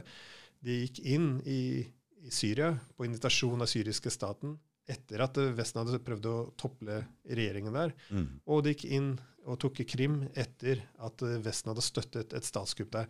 Så, så det er ikke en, du kan jo si hvorvidt dette er forenlig med folkeretten, og der kan det ofte være problematisk. Men de har reagert for å, beholde sin posisjon. Mm. Og det er per definisjon da, en status quo-makt. Mm. Så, så, men igjen, vi, vi, vi gifter oss til dette språket hvor nei, de er ekspansjonistiske, og vi bare prøver å stoppe det. Men, men, det er jo Nato som ruller opp mot russiske grenser. Så, ja. mm. så, det er så ofte så føler jeg at debatten ikke er si, er ikke helt ærlig. Da. Den mm. kunne vært ærligere, i hvert fall. mm. Vi kom vel ikke helt utenom eh, Russlands inngripen i, i Syria der. Der har de jo vist litt muskler og vist at de ikke vil, at de ikke lar For uten, uten Russland så hadde Syria falt for lenge siden. Eh, ja. Jo, jo, det tror jeg alle ville vært enig i. Så, mm. mm. så det gikk inn der i eh, Og det er vel på en måte å vise men når vi ser liksom at Afghanistan faller nå, og vi mister tilliten litt til USA, så det, er det det motsatte med at Russland gikk inn og satte ned foten i Syria og gir en signal til andre land om at, at de kan på en måte vende seg andre veien? At de har en styrke? Jo, jo, helt klart. Uh, igjen, uh, når det begynte, så tror jeg det opptrådte litt som status quo. fordi det, det, som var veldig viktig i avgjørelsen Russland å gå inn i Syria, var det som skjedde i Libya. Fordi mm.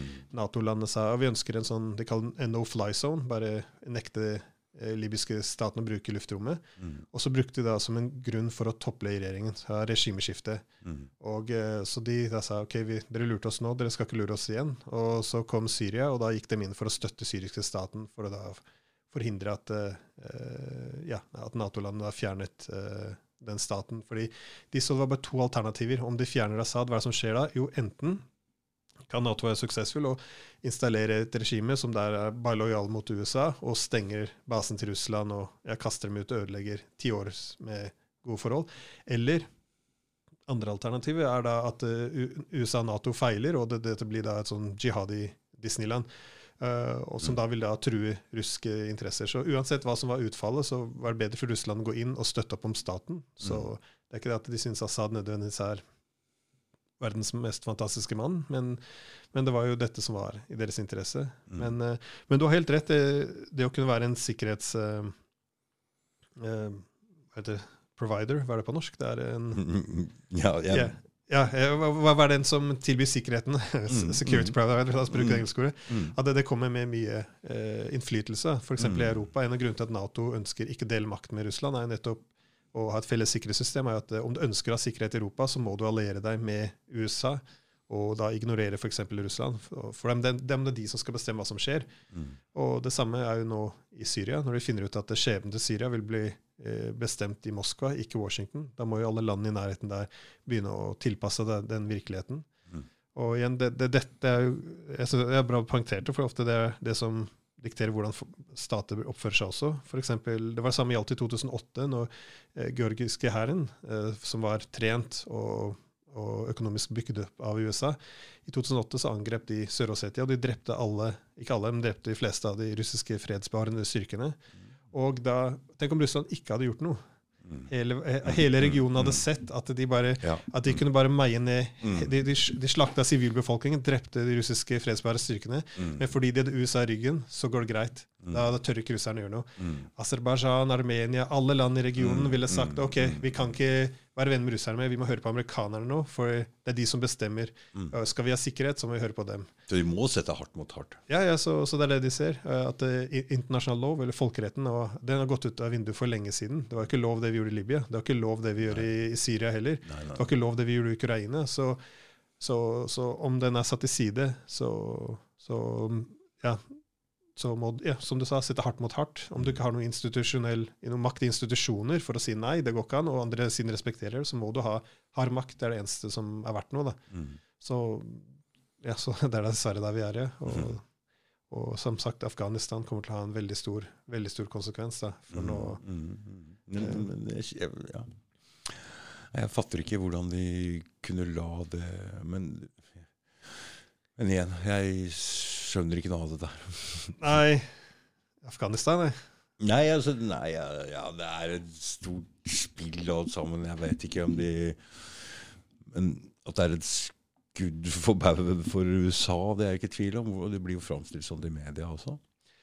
Ja, Altså, det, de, de er på vei Det er krefter som vil ha USA bort òg. Ja, men det var det samme som skjedde i Syria. Det var jo kurderne. De, da USA kasta dem litt under bussen og sagt ja, ok, vi, vi kan ikke hjelpe dere mer. Mm. Det ble sett på som et svik. Du allierer med dem, og så dropper de deg. Og nå skjedde det igjen i Afghanistan også. At eh, Mm. de hadde puttet uh, ja, all tilliten sin til USA, og så plutselig en dag så trekker de seg ut. Uten uh, allierte og forbanna afghanerne ble droppet. Så, uh, ja, så alle ser seg selv så seg selv som sveket. da. Mm. Og det er litt av problemet. Om du ikke stoler på sikkerhetsgarantiene til USA, da, da burde du kanskje omstille litt. Grann. Så nå har kineserne også gjort det klart i Taiwan. Da. Er dere sikre på at dere har tenkt å prøve å søke om uavhengighet fra Kina? Har dere tenkt å, å stå opp mot oss eh, om det blir krig? Amerikanerne kommer ikke til å hjelpe dere, Mm. selv på Afghanistan. Og, og nå til stor grad USA har Mm. begynt å gå litt vekk fra Ukraina også etter denne mobiliseringen, når de fant ut at russerne ikke kommer til å skrive om Minsk-avtalen. Mm. At uh, Da har de også begynt å ta mer avstand fra ukrainerne og si ja, kanskje ikke Nato er for dere. Og, ja, så, så, så, så man ser at sikkerhetsgarantiene begynner å endres og, og, og, og ikke være like troverdig. Av samme grunn ser du nå Sør-Korea. De har jo eh, de begynner nå å ta den utenrikspolitikken sin litt tilbake igjen. For de mm. tenker jo ja, vi må kanskje burde forhandle litt mer med Nord-Korea og mm. gjøre vi blir enda bedre venner med kineserne. Eh, Det, det er de som kommer til å ta avgjørelsen i framtiden. Mm. Så, så, så, så snart nå da begynner maktbalansen å skifte seg, nå som, det, nå som man ikke Ingen ønsker å vedde på feil hest og putte Mm. alle pengene sine på noe man kom, tror kommer til å tape. Mm. Så det, Man ser det rundt i hele verden. Eneste unntak, jeg ser akkurat nå, Er Norge? er Norge. Ja.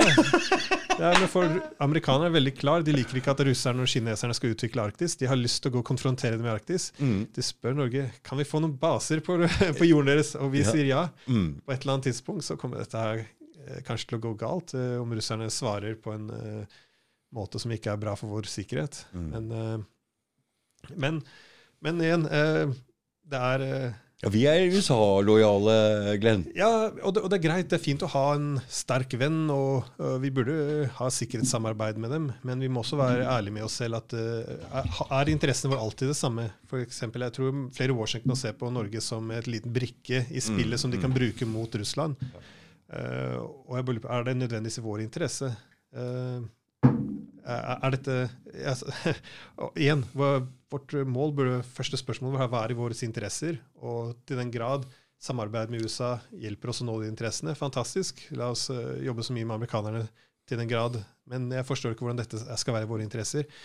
Eh, Det eneste som endret seg i Arktis, er russerne er ikke ute etter å invadere Norge. De er ute etter å utvikle Arktis nå med kineserne. Og det er eh, det amerikanerne som har vært veldig klare at de har ikke tenkt å la dette skje. Så, men vi er jo ikke De er- erkjenner ikke eh, det, det, det, vannområdene eh, Jeg kan ikke norsk.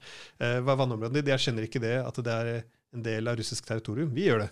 Mm. Men, men vi skal likevel støtte amerikanernes forsøk på, på å utfordre deres krav på disse havområdene. Så det er, det er ingenting som gir mening, egentlig. Det er bare alliansesystemet som ser ut til at uh, ja, som driver våre avgjørelser. Da. Mm.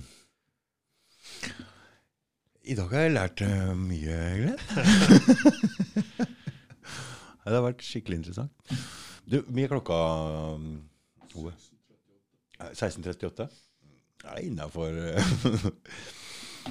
um, Ja, du Er det noe mer du har lyst til å snakke om? Du, bare snakk mer. Ja, Jeg har litt bedre tid. Jeg kan holde på til fem, i hvert fall. Ja, hva skal jeg snakke om? Ja, nei, altså mm, Nei, vi har jo snakka om Norge, det, så det mm, altså Norge allierer seg sånn med Russland, det er, mm, det er skummelt. Det er helt sikkert. Ja, nei, det burde uh, unngås. Uh, men uh, men igjen, om det er i Norges interesser å, å gå ut og konfrontere Russland i Arktis, så greit, men da må man gjøre det argumentet, legge fram det argumentet, og så deretter begynne å se om eh, til hvilken grad eh, ja, å bringe amerikanerne inn i nordområdene er i vår interesse. Men vi begynner på andre siden, da. Det som Hvor mange styrker, Hva slags styrker er det de har plassert der oppe, og hvor? Det er ikke, Ja, å, det- det er ikke skip og sånn? Nei, de holder på å utvikle det, det skal ikke kalles baser, da. Det er bare landområder som de utvikler og de kontrollerer, hvor dere har deres militær og militærstyrker. Hvor mange Men mann skal, er der oppe? eh, Det er jeg litt usikker på hvor mange det er. Men, For det har ikke vært mye skriverier i avisen, det har ikke vært mye debatt rundt det i det hele tatt? Nei, det, men, men det, alt det er i prosessen nå, da, å utvikle disse, ja, disse avtalene. Så det er uh, Men det er eh, Det er, det er noe vi burde ha mer debatt om, for dette her er et veldig stort steg. Det vi, vi vi har aldri hatt det før. eh, vi gir opp bas, ja, gir opp basepolitikken vår nå, da. Så dette er jo dette er, for et, Etter andre verdenskrig Norge hadde eh, en politikk hvordan skal vi for, forholde oss til Russland. Vi hadde Argumentet var at vi burde være en god alliert til Mhm. Nato. Men vi skulle ikke ha amerikanske og- og folk her. Nei, nei, men For det andre delen var en god nabo til russerne. Mm. Så vi må balansere dette her. Mm. Og så det sa ja, vi er en Nato-medlem, vi skal ikke begynne å ha amerikanere på territoriet vårt. og Nei. atomubåter og dette her. Eh, men nå, den basepolitikken er jo gravlagt, og ja Nå er det kun alliert hele veien, da. Mm. Altså, det har forandra seg helt, ja, med at du ikke skal ha basepolitikk her. Når, når skjedde det egentlig? Nå? Ja, nei, det her er helt, den er nylig. Og det, er det, det er merkelig at det ikke er mer debatt om det. Jeg tror det Mm. eneste som har begynt å skape litt støy, er Rødt, men det er jo et eh, ja, lite parti på siden. Det, dette burde jo være Dette er jo sikkerheten vår, så ja, det overrasker meg at det ikke er mer debatt om dette. Mm. Men uh, Hvor er de basene nå? Hvor mange folk er det hva er en tenker seg er? Hvor den ligger den? Uh, Nei, nå Veit ikke helt. Jeg, jeg, jeg tror kanskje jeg sier eh, lister alle sammen, eller sier noe feil, så jeg vet det, vi må slå det av. Men det er i hvert fall for å stanse den Arktis eh, nye ruta de har tenkt å lage der oppe? Uh, ja, det er ikke bare Eller nå som isen smelter i Arktis, så så er det mye som endrer seg. Det, det første er jo at eh, det er mange gassressurser som, og energiressurser som blir ledig, og, og Russland går jo og graver etter alle dem. Og det Mm. andre er den transportkorridoren.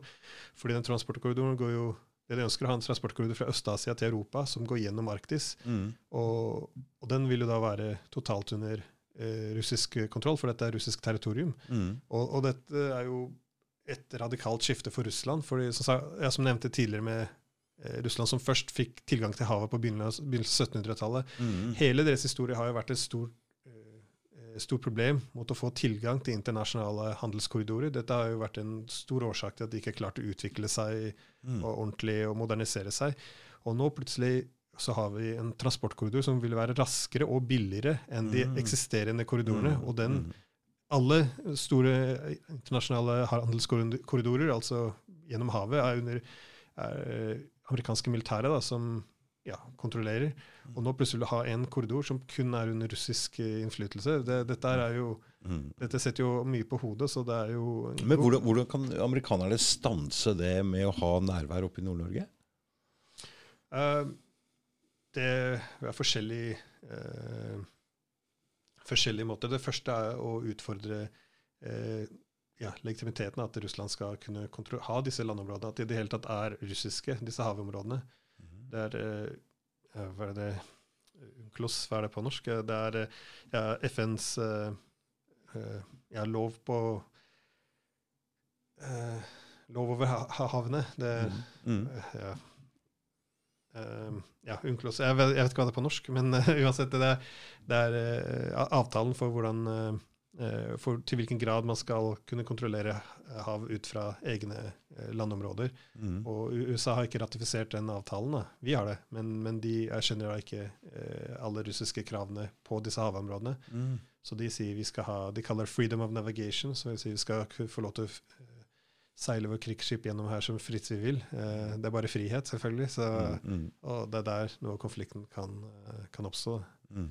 Men, eh, men Nei, det, det, er Det er litt Det er synd. For det, det er som sagt Russland skulle gjerne jobbet mer med vestlige makter for å utvikle disse områdene også, men vi har puttet sanksjoner på alt som er russisk, så alle mm. tidligere energiavtaler og, og eh, moderniseringsavtale. Alt sammen har nå blitt gått over til kineserne. Da. Mm. Og det er mye av dette her som ikke kan eh, eh som ikke kan reverseres eh, senere. Så, så det, er mye, det er mye som endrer seg for tiden, og det er, eh, og det er Spennende, skumle tider? Ja, men igjen litt av hensikten for Russland å kunne diversifisere økonomien sin, så, mm. så er nettopp at de skal kunne styrke forholdet sitt mot uh, Vesten. F.eks. før så sa vi uh, uh, at vi, ja, vi, vi, tenkte å kunne presse Russland på f.eks. hvordan de skal eksportere energi til, til Europa. Mm. Så på, I 2004 så gikk f.eks. 80% av russisk gass som gikk til Europa, det gikk jo gjennom Ukraina. Mm. Og, og, så skal på en måte Ukraina nå se mot Vesten for lederskap, så på en måte da skal vi kontrollere litt av hvor eh, russisk energi går gjennom. Mm, mm, mm. Og det er litt av det som er problemet, eh, konfliktene som har oppstått nå. Mm.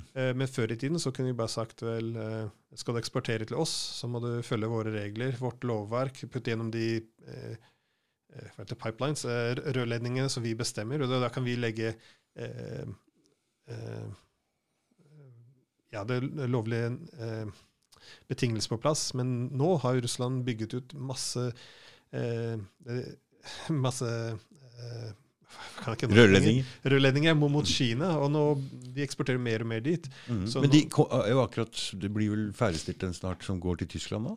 Ja, det er den de kaller Nord Stream. da. Mm. Og, det er også, og det som er så interessant, uh, Nord Stream 2, det er eh, de eksporterer gass direkte mellom Russland til, uh, til Tyskland.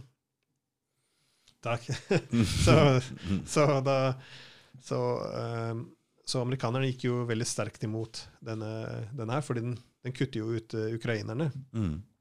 Så før i tiden kunne de sagt ja, la oss bare eh, vi, vi, vi, krever at du eksporterer gjennom Ukraina, men nå i framtiden så vil jo russerne bare kunne si om dere ikke vil ha gassen vår, så bare selger vi til kineserne istedenfor. Mm. Så, så litt av forholdet mellom uh, Europa og Vesten har jo Eh, Europa og Russland har begynt å endre seg nå, nå som de har flere alternativer. Mm. Så, så, til en viss grad så må vi begynne å ta hensyn til det. Og litt av problematikken for USA er at de, eh, de har prøvd nå de siste årene å konvertere sikkerhetsavhengigheten eh, på USA, siden de står for sikkerhet til Europa, og, og overføre det til geo, ja, eller økonomisk lojalitet. Da. Så med andre ord, kjøp bare amerikanske produkter, ikke Eh, eller teknologier, ikke bruk kinesernes. Eh, kjøper amerikansk gass, ikke russisk gass. Eh, ikke bruke russiske våpensystemer. Men også ser det én etter én at litt av lojaliteten til Europa begynner å forsvinne, fordi økonomien skifter seg mot Østen. Så vi begynner å invitere mer og mer, kjøpe mer og mer kinesiske teknologier og linke oss mer og mer mot Kina. tyskerne de bygget jo den Nord Stream 2. De spurte om det fra russerne, og de bygget den til tross for at amerikanerne puttet sanksjoner mot tyskerne også for å mm. ikke bygge dette. Mm. Det eh, var eh, tyrkerne som kjøper eh, russiske våpensystemer til tross ja. for sanksjoner mm. fra amerikanere. Mm. Så det er mer og mer nå det som ville vært utenkelig før, at alle de viktigste allierte til USA nå bare sier ja, sanksjoner, samme det. Vi, vi, vi gjør det vi vil allikevel og handler med deres fiender. Mm. Eh, det, det, har begynt å skje nå til en større grad. da. Så mm. Så, For det var jo spesielt at han Erdogan kjøpte russiske våpen? Ja, det er veldig eh, Som er Nato-medlem? Å oh, ja, ja. Nei, men mm? Ja, men det er ganske Men det er også ganske unikt sånn sett for i, i Tyskland også, at de har eh, tusenvis av amerikanske styrker på jorden sin for å beskytte mot Russland. Og tydeligvis at det er derfor de er der. Og nå, mm, mm, men Russland foretrekker å handle med Russland, til tross for at USA putter sanksjoner på dem. Så Trump han var på et Nato-møte og så sa han dette gir jo ikke noe mening at uh, vi betaler for sikkerheten deres, men dere går og kjøper gassen fra russerne istedenfor. Det, dette virker ikke rettferdig. og jeg syns han hadde et poeng der, egentlig. Det, det han ville ha hjem soldatene fra ja, Tyskland? Ja, ja, ja altså, han så det veldig pragmatisk. Da, at uh, du har en retur på investeringen din. Da, så, mm. vi betaler for sikkerheten. Det skal mm. ha lojalitet av dere. Og, og uh, det er litt av det som er Igjen, vi snakker mye om at alt er bare forhold basert på verdier, men det er jo mm. litt av det forholdet er. Amerikanerne investerer i sikkerheten vår, og, og vi viser dem politisk lojalitet. Men nå har det begynt å Nå sier amerikanerne ja, De har ikke samme muligheten til å gi sikkerhetsgarantier lenger. Og samtidig så har ikke vi like lyst til å høre på dem lenger. Så, så nå ser vi at eh, forholdet begynner å splittes litt. Da. Og dette kommer bare til å styrkes mer og mer framover. fordi eh, nå som Kina er vokst fram, så er ikke geopolitiske fokuset er ikke lenger på Europa. Istedenfor så ser de på Asia. Og dette har konsekvenser for Europa, fordi nå sier amerikanerne vi ønsker mer lojalitet fra dere, for nå må vi gå etter Nato. Alle må gå etter Kina nå. Uh, men, samtidig, vi, vi, kan bidra mindre til sikkerheten deres, for vi må fokusere på Asia. Så de ønsker mer og kan gi mindre. Så, så ja, det er mye av forholdet som er splitta. Færre, flere og flere interesser som ikke er forenlige lenger. Og uh, ja, overalt så begynner disse uh, mangel på felles interesser å uttrykke seg mer og mer i uenighet. Mm. Så, så, ja, så det kommer store endringer på vei. Mm. Så om jeg skulle gitt råd til norske politikere, så er det nå som det begynner å bli ja, som i kaos. Man ønsker å roe litt på, eh, på spenningene. Og, så, å sette seg selv på frontlinjen og, i Arktis mot russerne. Jeg, jeg, tror det er en helt forferdelig idé. Men, mm. men det er visst ikke så mye debatt å ha rundt om det, for vi har jo bestemt oss allerede. Du prater om Kina og hvilket system de har, og det der poengsystemet deres, og hvordan de takla f.eks. koronagreiene, og hvordan de overførte mye av de tiltakene hit, syns jeg det er eh, Og med vaksine Nei, jo, faen meg. Hva, ja. Eh, styrer vi mot Kina når det gjelder mange ting her, eller? Ja. Mm. Så, uh, ja, nei, de har ikke det beste politiske systemet der. Det, det poengsystemet med oi, oi, oi. Ja, ja. Nei, jeg syns uh, vi har uh, mange friheter. Vi har uh, bygd oss opp i landet som vi burde passe godt på. Og mm. jeg tror ikke Kina burde være en modell å utvikle ja, forholdet mellom stat og folk. Da. Mm. Så, Men vi ser litt grann, det er noen sånne ting på gang her, altså. Ja, syns jeg. Ja, nei, det er eh, litt, litt problem med ja, Nå har jeg også satt en uh, vaksine, og sånn, så jeg er ikke noe kategorisk mot noe av det. Men det er uh, det jeg er litt skeptisk til, er alle disse maktene som stater tar seg. Mm. Uh, kanskje i Norge, bare når, når, pandemien er over, alt gis tilbake, og vi stopper disse mm. Men, men, men, flere steder i verden så tror jeg det er veldig vanskelig for stater å ta, ta til seg så mye makt, mm. og så gi de opp uh, frivillig etterpå. Da. Mm. mm. Det er bare ja, det finnes ikke så mange tilfeller gjennom historien hvor dette har skjedd. Så, mm.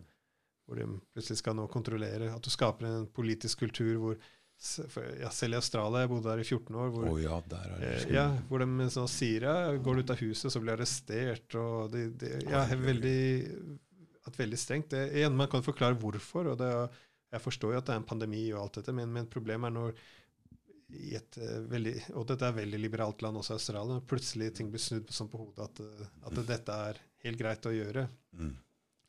At da uh, ja, tilliten til staten forsvinner. Mm. kanskje rollen staten ser på seg selv å ha i samfunnet, har endret seg. Kan det gå tilbake til slik det var? Det er mange ting som har forandret seg. så... For dette er også en ting midt oppi den konflikten mellom Russland, Kina og USA og den maktforflytningen der, så har vi også den koronagreiene som forandrer forholdet mellom stat og borgere veldig. Ja. Og, uh, nei, nei, så jeg uh, Det er grunn til å være bekymret. det er ikke noe, det er ikke noe positive ting som kommer fram i dag. Men uh, nei, nei, men det er flere det er, jeg, Eh, ofte, litt av problemet er at eh, debatten ofte blir polarisert. At veldig, enten, veldig. Så, mm. enten så eh, ja, så er ja, så er det en stor konspirasjon, og staten kommer. Eller så er det ja, alle som er litt kritiske, de er paranoide. og mm. ja, de, Så, så det, det, det, finnes gode grunner til å, mm. å, ønske å ha litt mer kontroll og stoppe opp om denne eh, og litt, litt unntakstilstand rundt en pandemi, men det er også gode grunner til å være veldig bekymret over Mm. disse frihetene som forskjellige regjeringer tar seg nå. Mm. Mm. Men, uh, men igjen, det er det som er litt problem, problematisk. Når, Det er det samme, det er ikke noe åpen debatt om det. Alt må bare polariseres, som du sier. ja, Og det er bare ekstreme meninger. Og vi skulle hatt uh, altså, et eller annet utløp hvor, vi, hvor det skulle vært et sånt debattsted hvor man kunne hatt saklige diskusjoner. Det skulle vært vist på TV, til og med. ja, ja. Nei, det er det, er det, eh, det, er det beste du kan gjøre. Da. Mm, når har polarisert mm, samfunn. mm. Litt av poenget, en grunn til at det polariserer seg, at man, man begynner å ja, splittes. Man kjenner i færre og færre som står på andre siden. Mm. Man gjentar bare de samme argumentene, man Mm. hører bare de samme Ja, argumentene, og så begynner man å øh, følger det konsensuset som er stikk i strid med andre. Så Mm. det man trenger, det som, går, det som fikser eh, polarisert samfunn, er jo å kunne ha en dialog med andre, samfunn, eh, med andre siden. Mm. Problemet er når vi sier at å, samfunnet er vært polarisert, det er så forferdelig. Men grunnen til at det er polarisert er fordi vi har rett, og de tar feil. Og, og om vi bare kan sensurere dem, så, for de Mm. sprer misinformasjon, så, så, så vil samfunnet kunne komme sammen igjen. Og det er jo Mm. det er Ofte folk snakker hvor problematisk det er at vi er polarisert, Mm. men uh, tiltakene de foreslår, er jo akkurat det som skaper polarisering. Sensurering. Så, ja, ja, så, Mm. ja, og det gjelder jo det utenrikspolitiske også. Ja, det, jeg ser det. Det er det samme. det, der vi, Det er det samme problemet hele tiden. ja, ja, det burde kunne ha Det jeg skulle gjerne sett, er ha f.eks. russisk på TV, skru på nyhetene og kunne ha en eller annen debatt mellom russiske ambassadøren til Norge og Erna Solberg f.eks. Dette er vi bekymrer oss spør å se om hva, hva vi er uenig i, hvorfor vi er uenig i det, og Mm. ja, til hvilken grad eh, noe kan gjøres. Men, Mm. men vi har jo ikke det. Vi har, eh, vi har vi blir fortalt at russerne bare sprer propaganda, og, og så er det bare det offentlige, det statlige perspektivet som kommer fram. At eh, ja, ja, om bare russerne hadde eh, omfavnet demokrati så ville, og vært akkurat som oss, så ville alle problemene blitt løst. Og, så, så det blir veldig Ja, det blir tullete. Mm. Uh, virkelighetsfjern ofte den dekningen. Da. Så igjen, og om, om den andre siden eh, har svake argumenter, ta, ta det fram i lyset, ha en åpen debatt. Og så, Mm. men vi har jo ikke det. det Jeg er helt enig med deg. Vi savner det. Det skulle vært et sånn Det hadde vært en ventil, ja, ikke sant? Hvis du hadde hatt et sånt sted. Ja. Med tatt fram folk som altså, var villige til å snakke på en ordentlig måte, eller debattere på en ordentlig måte. da. jo, Som var, ikke bare Jeg var satt og tenkte over det, så I januar i fjor så skrev, hadde jeg en sånn tosiders eh, kronikk i Aftenposten hvor jeg argumenterte at det kanskje eh, politikken vår i Arktis eh, er litt feilslått. eh, at den ikke er i vår interesse. Mm, Og eh, eh, ja, og så kom det masse disse svarene. Folk skal jo kunne kommentere på artikkelen din. mm, skriver de inn sin innlegg, og det kommer fra tidlig ambassadør og eh, ja, fra Aftenposten og ja, det, både akademikere alle, alle skulle skrive noe. og Temaet var alltid det samme. Hvorfor gir man en plattform til slik propaganda? Dette er det russerne sier. Men, men det, så, så, jeg, jeg, ja, så igjen, det er dette problemet. Hva, hva, hva galt Var det i Aftenposten? Ja, så hva er galt med argumentene? Hvor nøyaktig Ja, men, men vi, vi har ikke disse diskusjonene ofte, og det er det som er litt av, av problemet. Men jeg tror egentlig at folk ikke har lært ordentlig å diskutere på en ordentlig måte. For det vi, det vi er vant til å se, er politikere som står og, og, og med to standpunkter som de ikke kan fravike, og bare står og prøver å vri seg unna. Så tror vi at dette er det samme som å ha en diskusjon. Ja. For det er det vi blir servert på TV. Jeg tror har, jeg tror ikke folk har lært ordentlig hva det egentlig innebærer å ha en ordentlig eh, diskusjon med argumenter og eh, liksom prøve å bli enige. Jeg tror ikke folk kan det der. Jeg tror det mangler i samfunnet.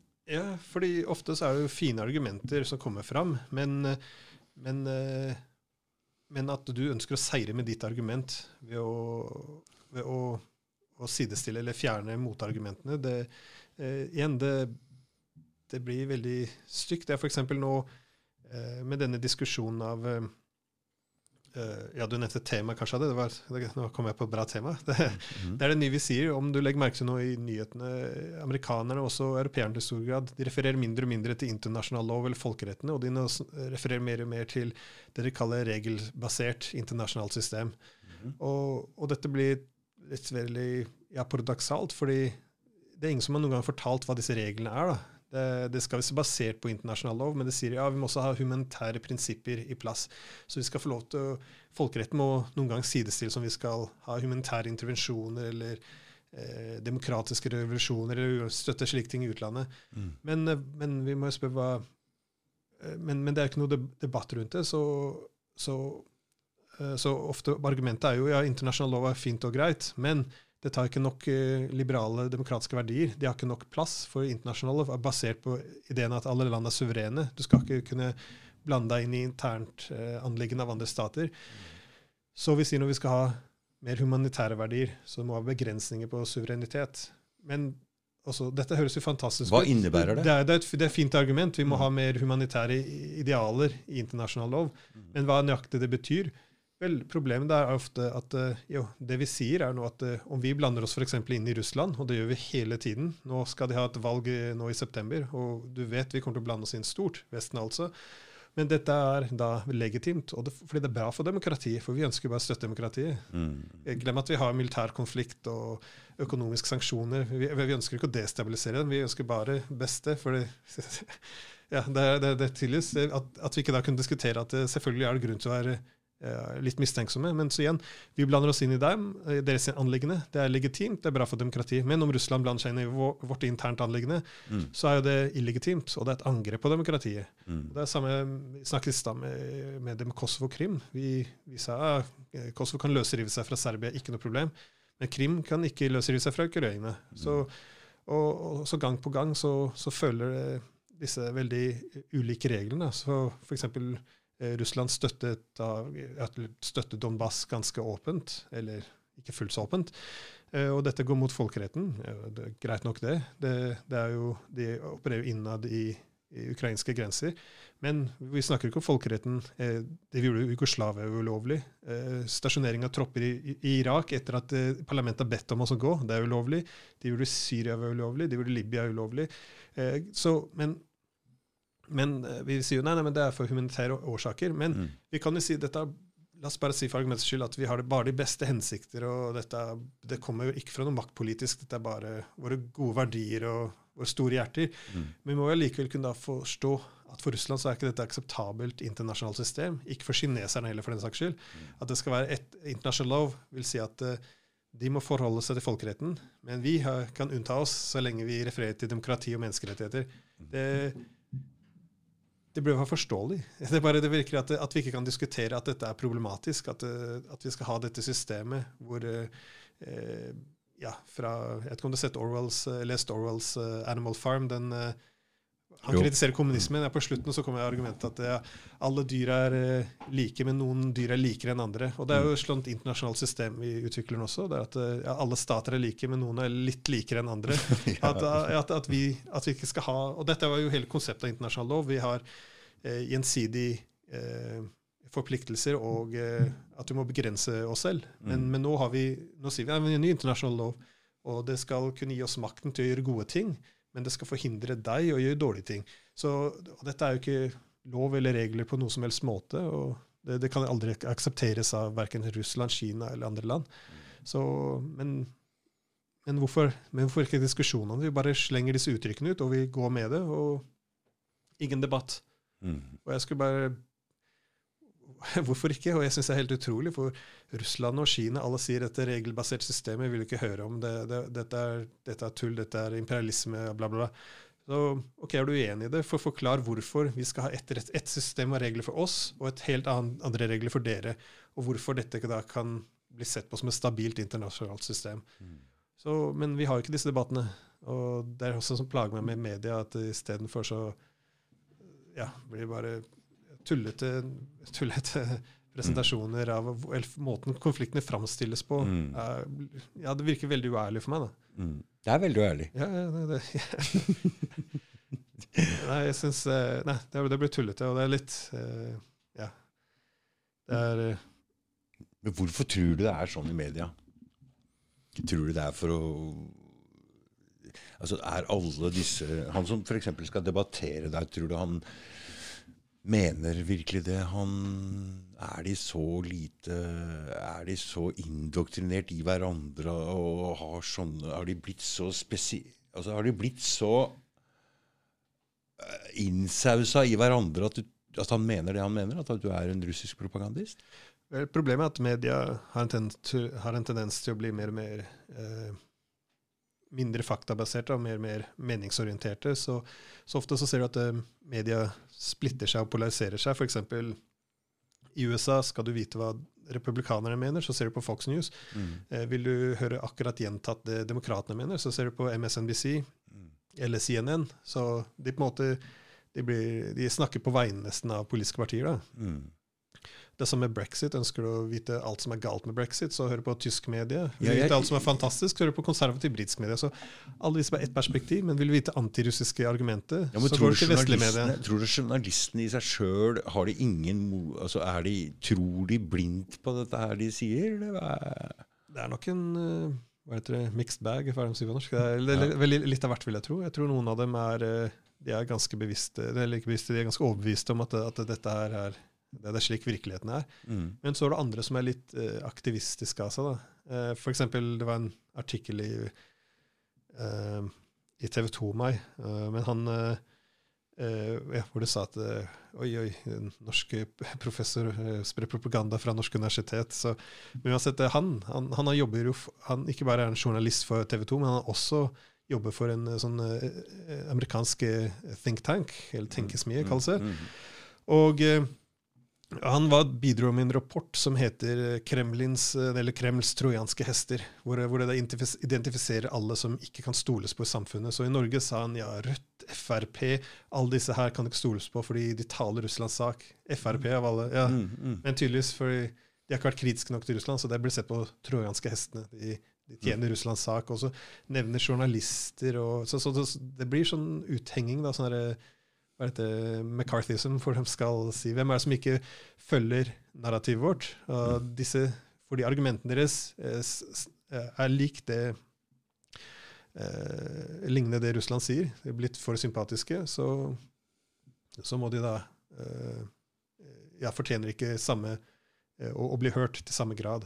Mm. Og det er jo og igjen, det går tilbake til det vi snakket om, det er ganske tullete. For i en debatt så må du jo igjen, mm. Hele poenget er å finne ut hvorfor, hvor er vi uenige, og hvorfor. Mm. Og, og, kanskje alle sider kan lære et eller annet, men eh, det er ikke det det kommer an på. Det, det kommer det skal, Vi har bestemt oss om et narrativ, at det, eh, vi er gode, de er dårlige, og, og vi skal nå bekjempe dem. Mm. Så, så, det er eh, Ja, det er, det, det er en uærlig debatt fra, fra mitt ståsted. Jeg er helt enig. Må vi avslutte, Ove? Ja, Vi må bare brått avslutte, Klem. Det går fint, det. Tusen takk for at du kom. Det var en skikkelig lærerik og interessant podkast. Jeg um, satte veldig stor pris på å få høre dette her. Takk, takk. Og ja, uh, så om det er noen som er interessert i noen av disse temene, så har jeg en ny bok ut, ja. som kommer ut neste måned. Den mm. heter uh, 'Europe as the Western Peninsula of Greater Eurasia'. som da dreier seg litt om hvordan russisk og økonomisk russisk og kinesisk engelsk, ja, Jeg har åtte bøker, alle er på engelsk, dessverre. Mm, mm. Men det handler litt om hvordan russisk og, økonomisk, russisk og kinesisk økonomisk makt begynner å få mer innflytelse i Europa. Da. Hvordan det putter Europa litt mellom eh, Skaper litt splittelser. fordi når økonomiske interessene våre går østover, så ser vi ofte at politiske lojaliteter går også. Så hvordan mm. dette skaper utfordringer, men også muligheter. da. Mm. Så... Eh, så ja, kjøp boken. ja. OK. Takk skal du ha. Bare hyggelig. Ha det. Ha det.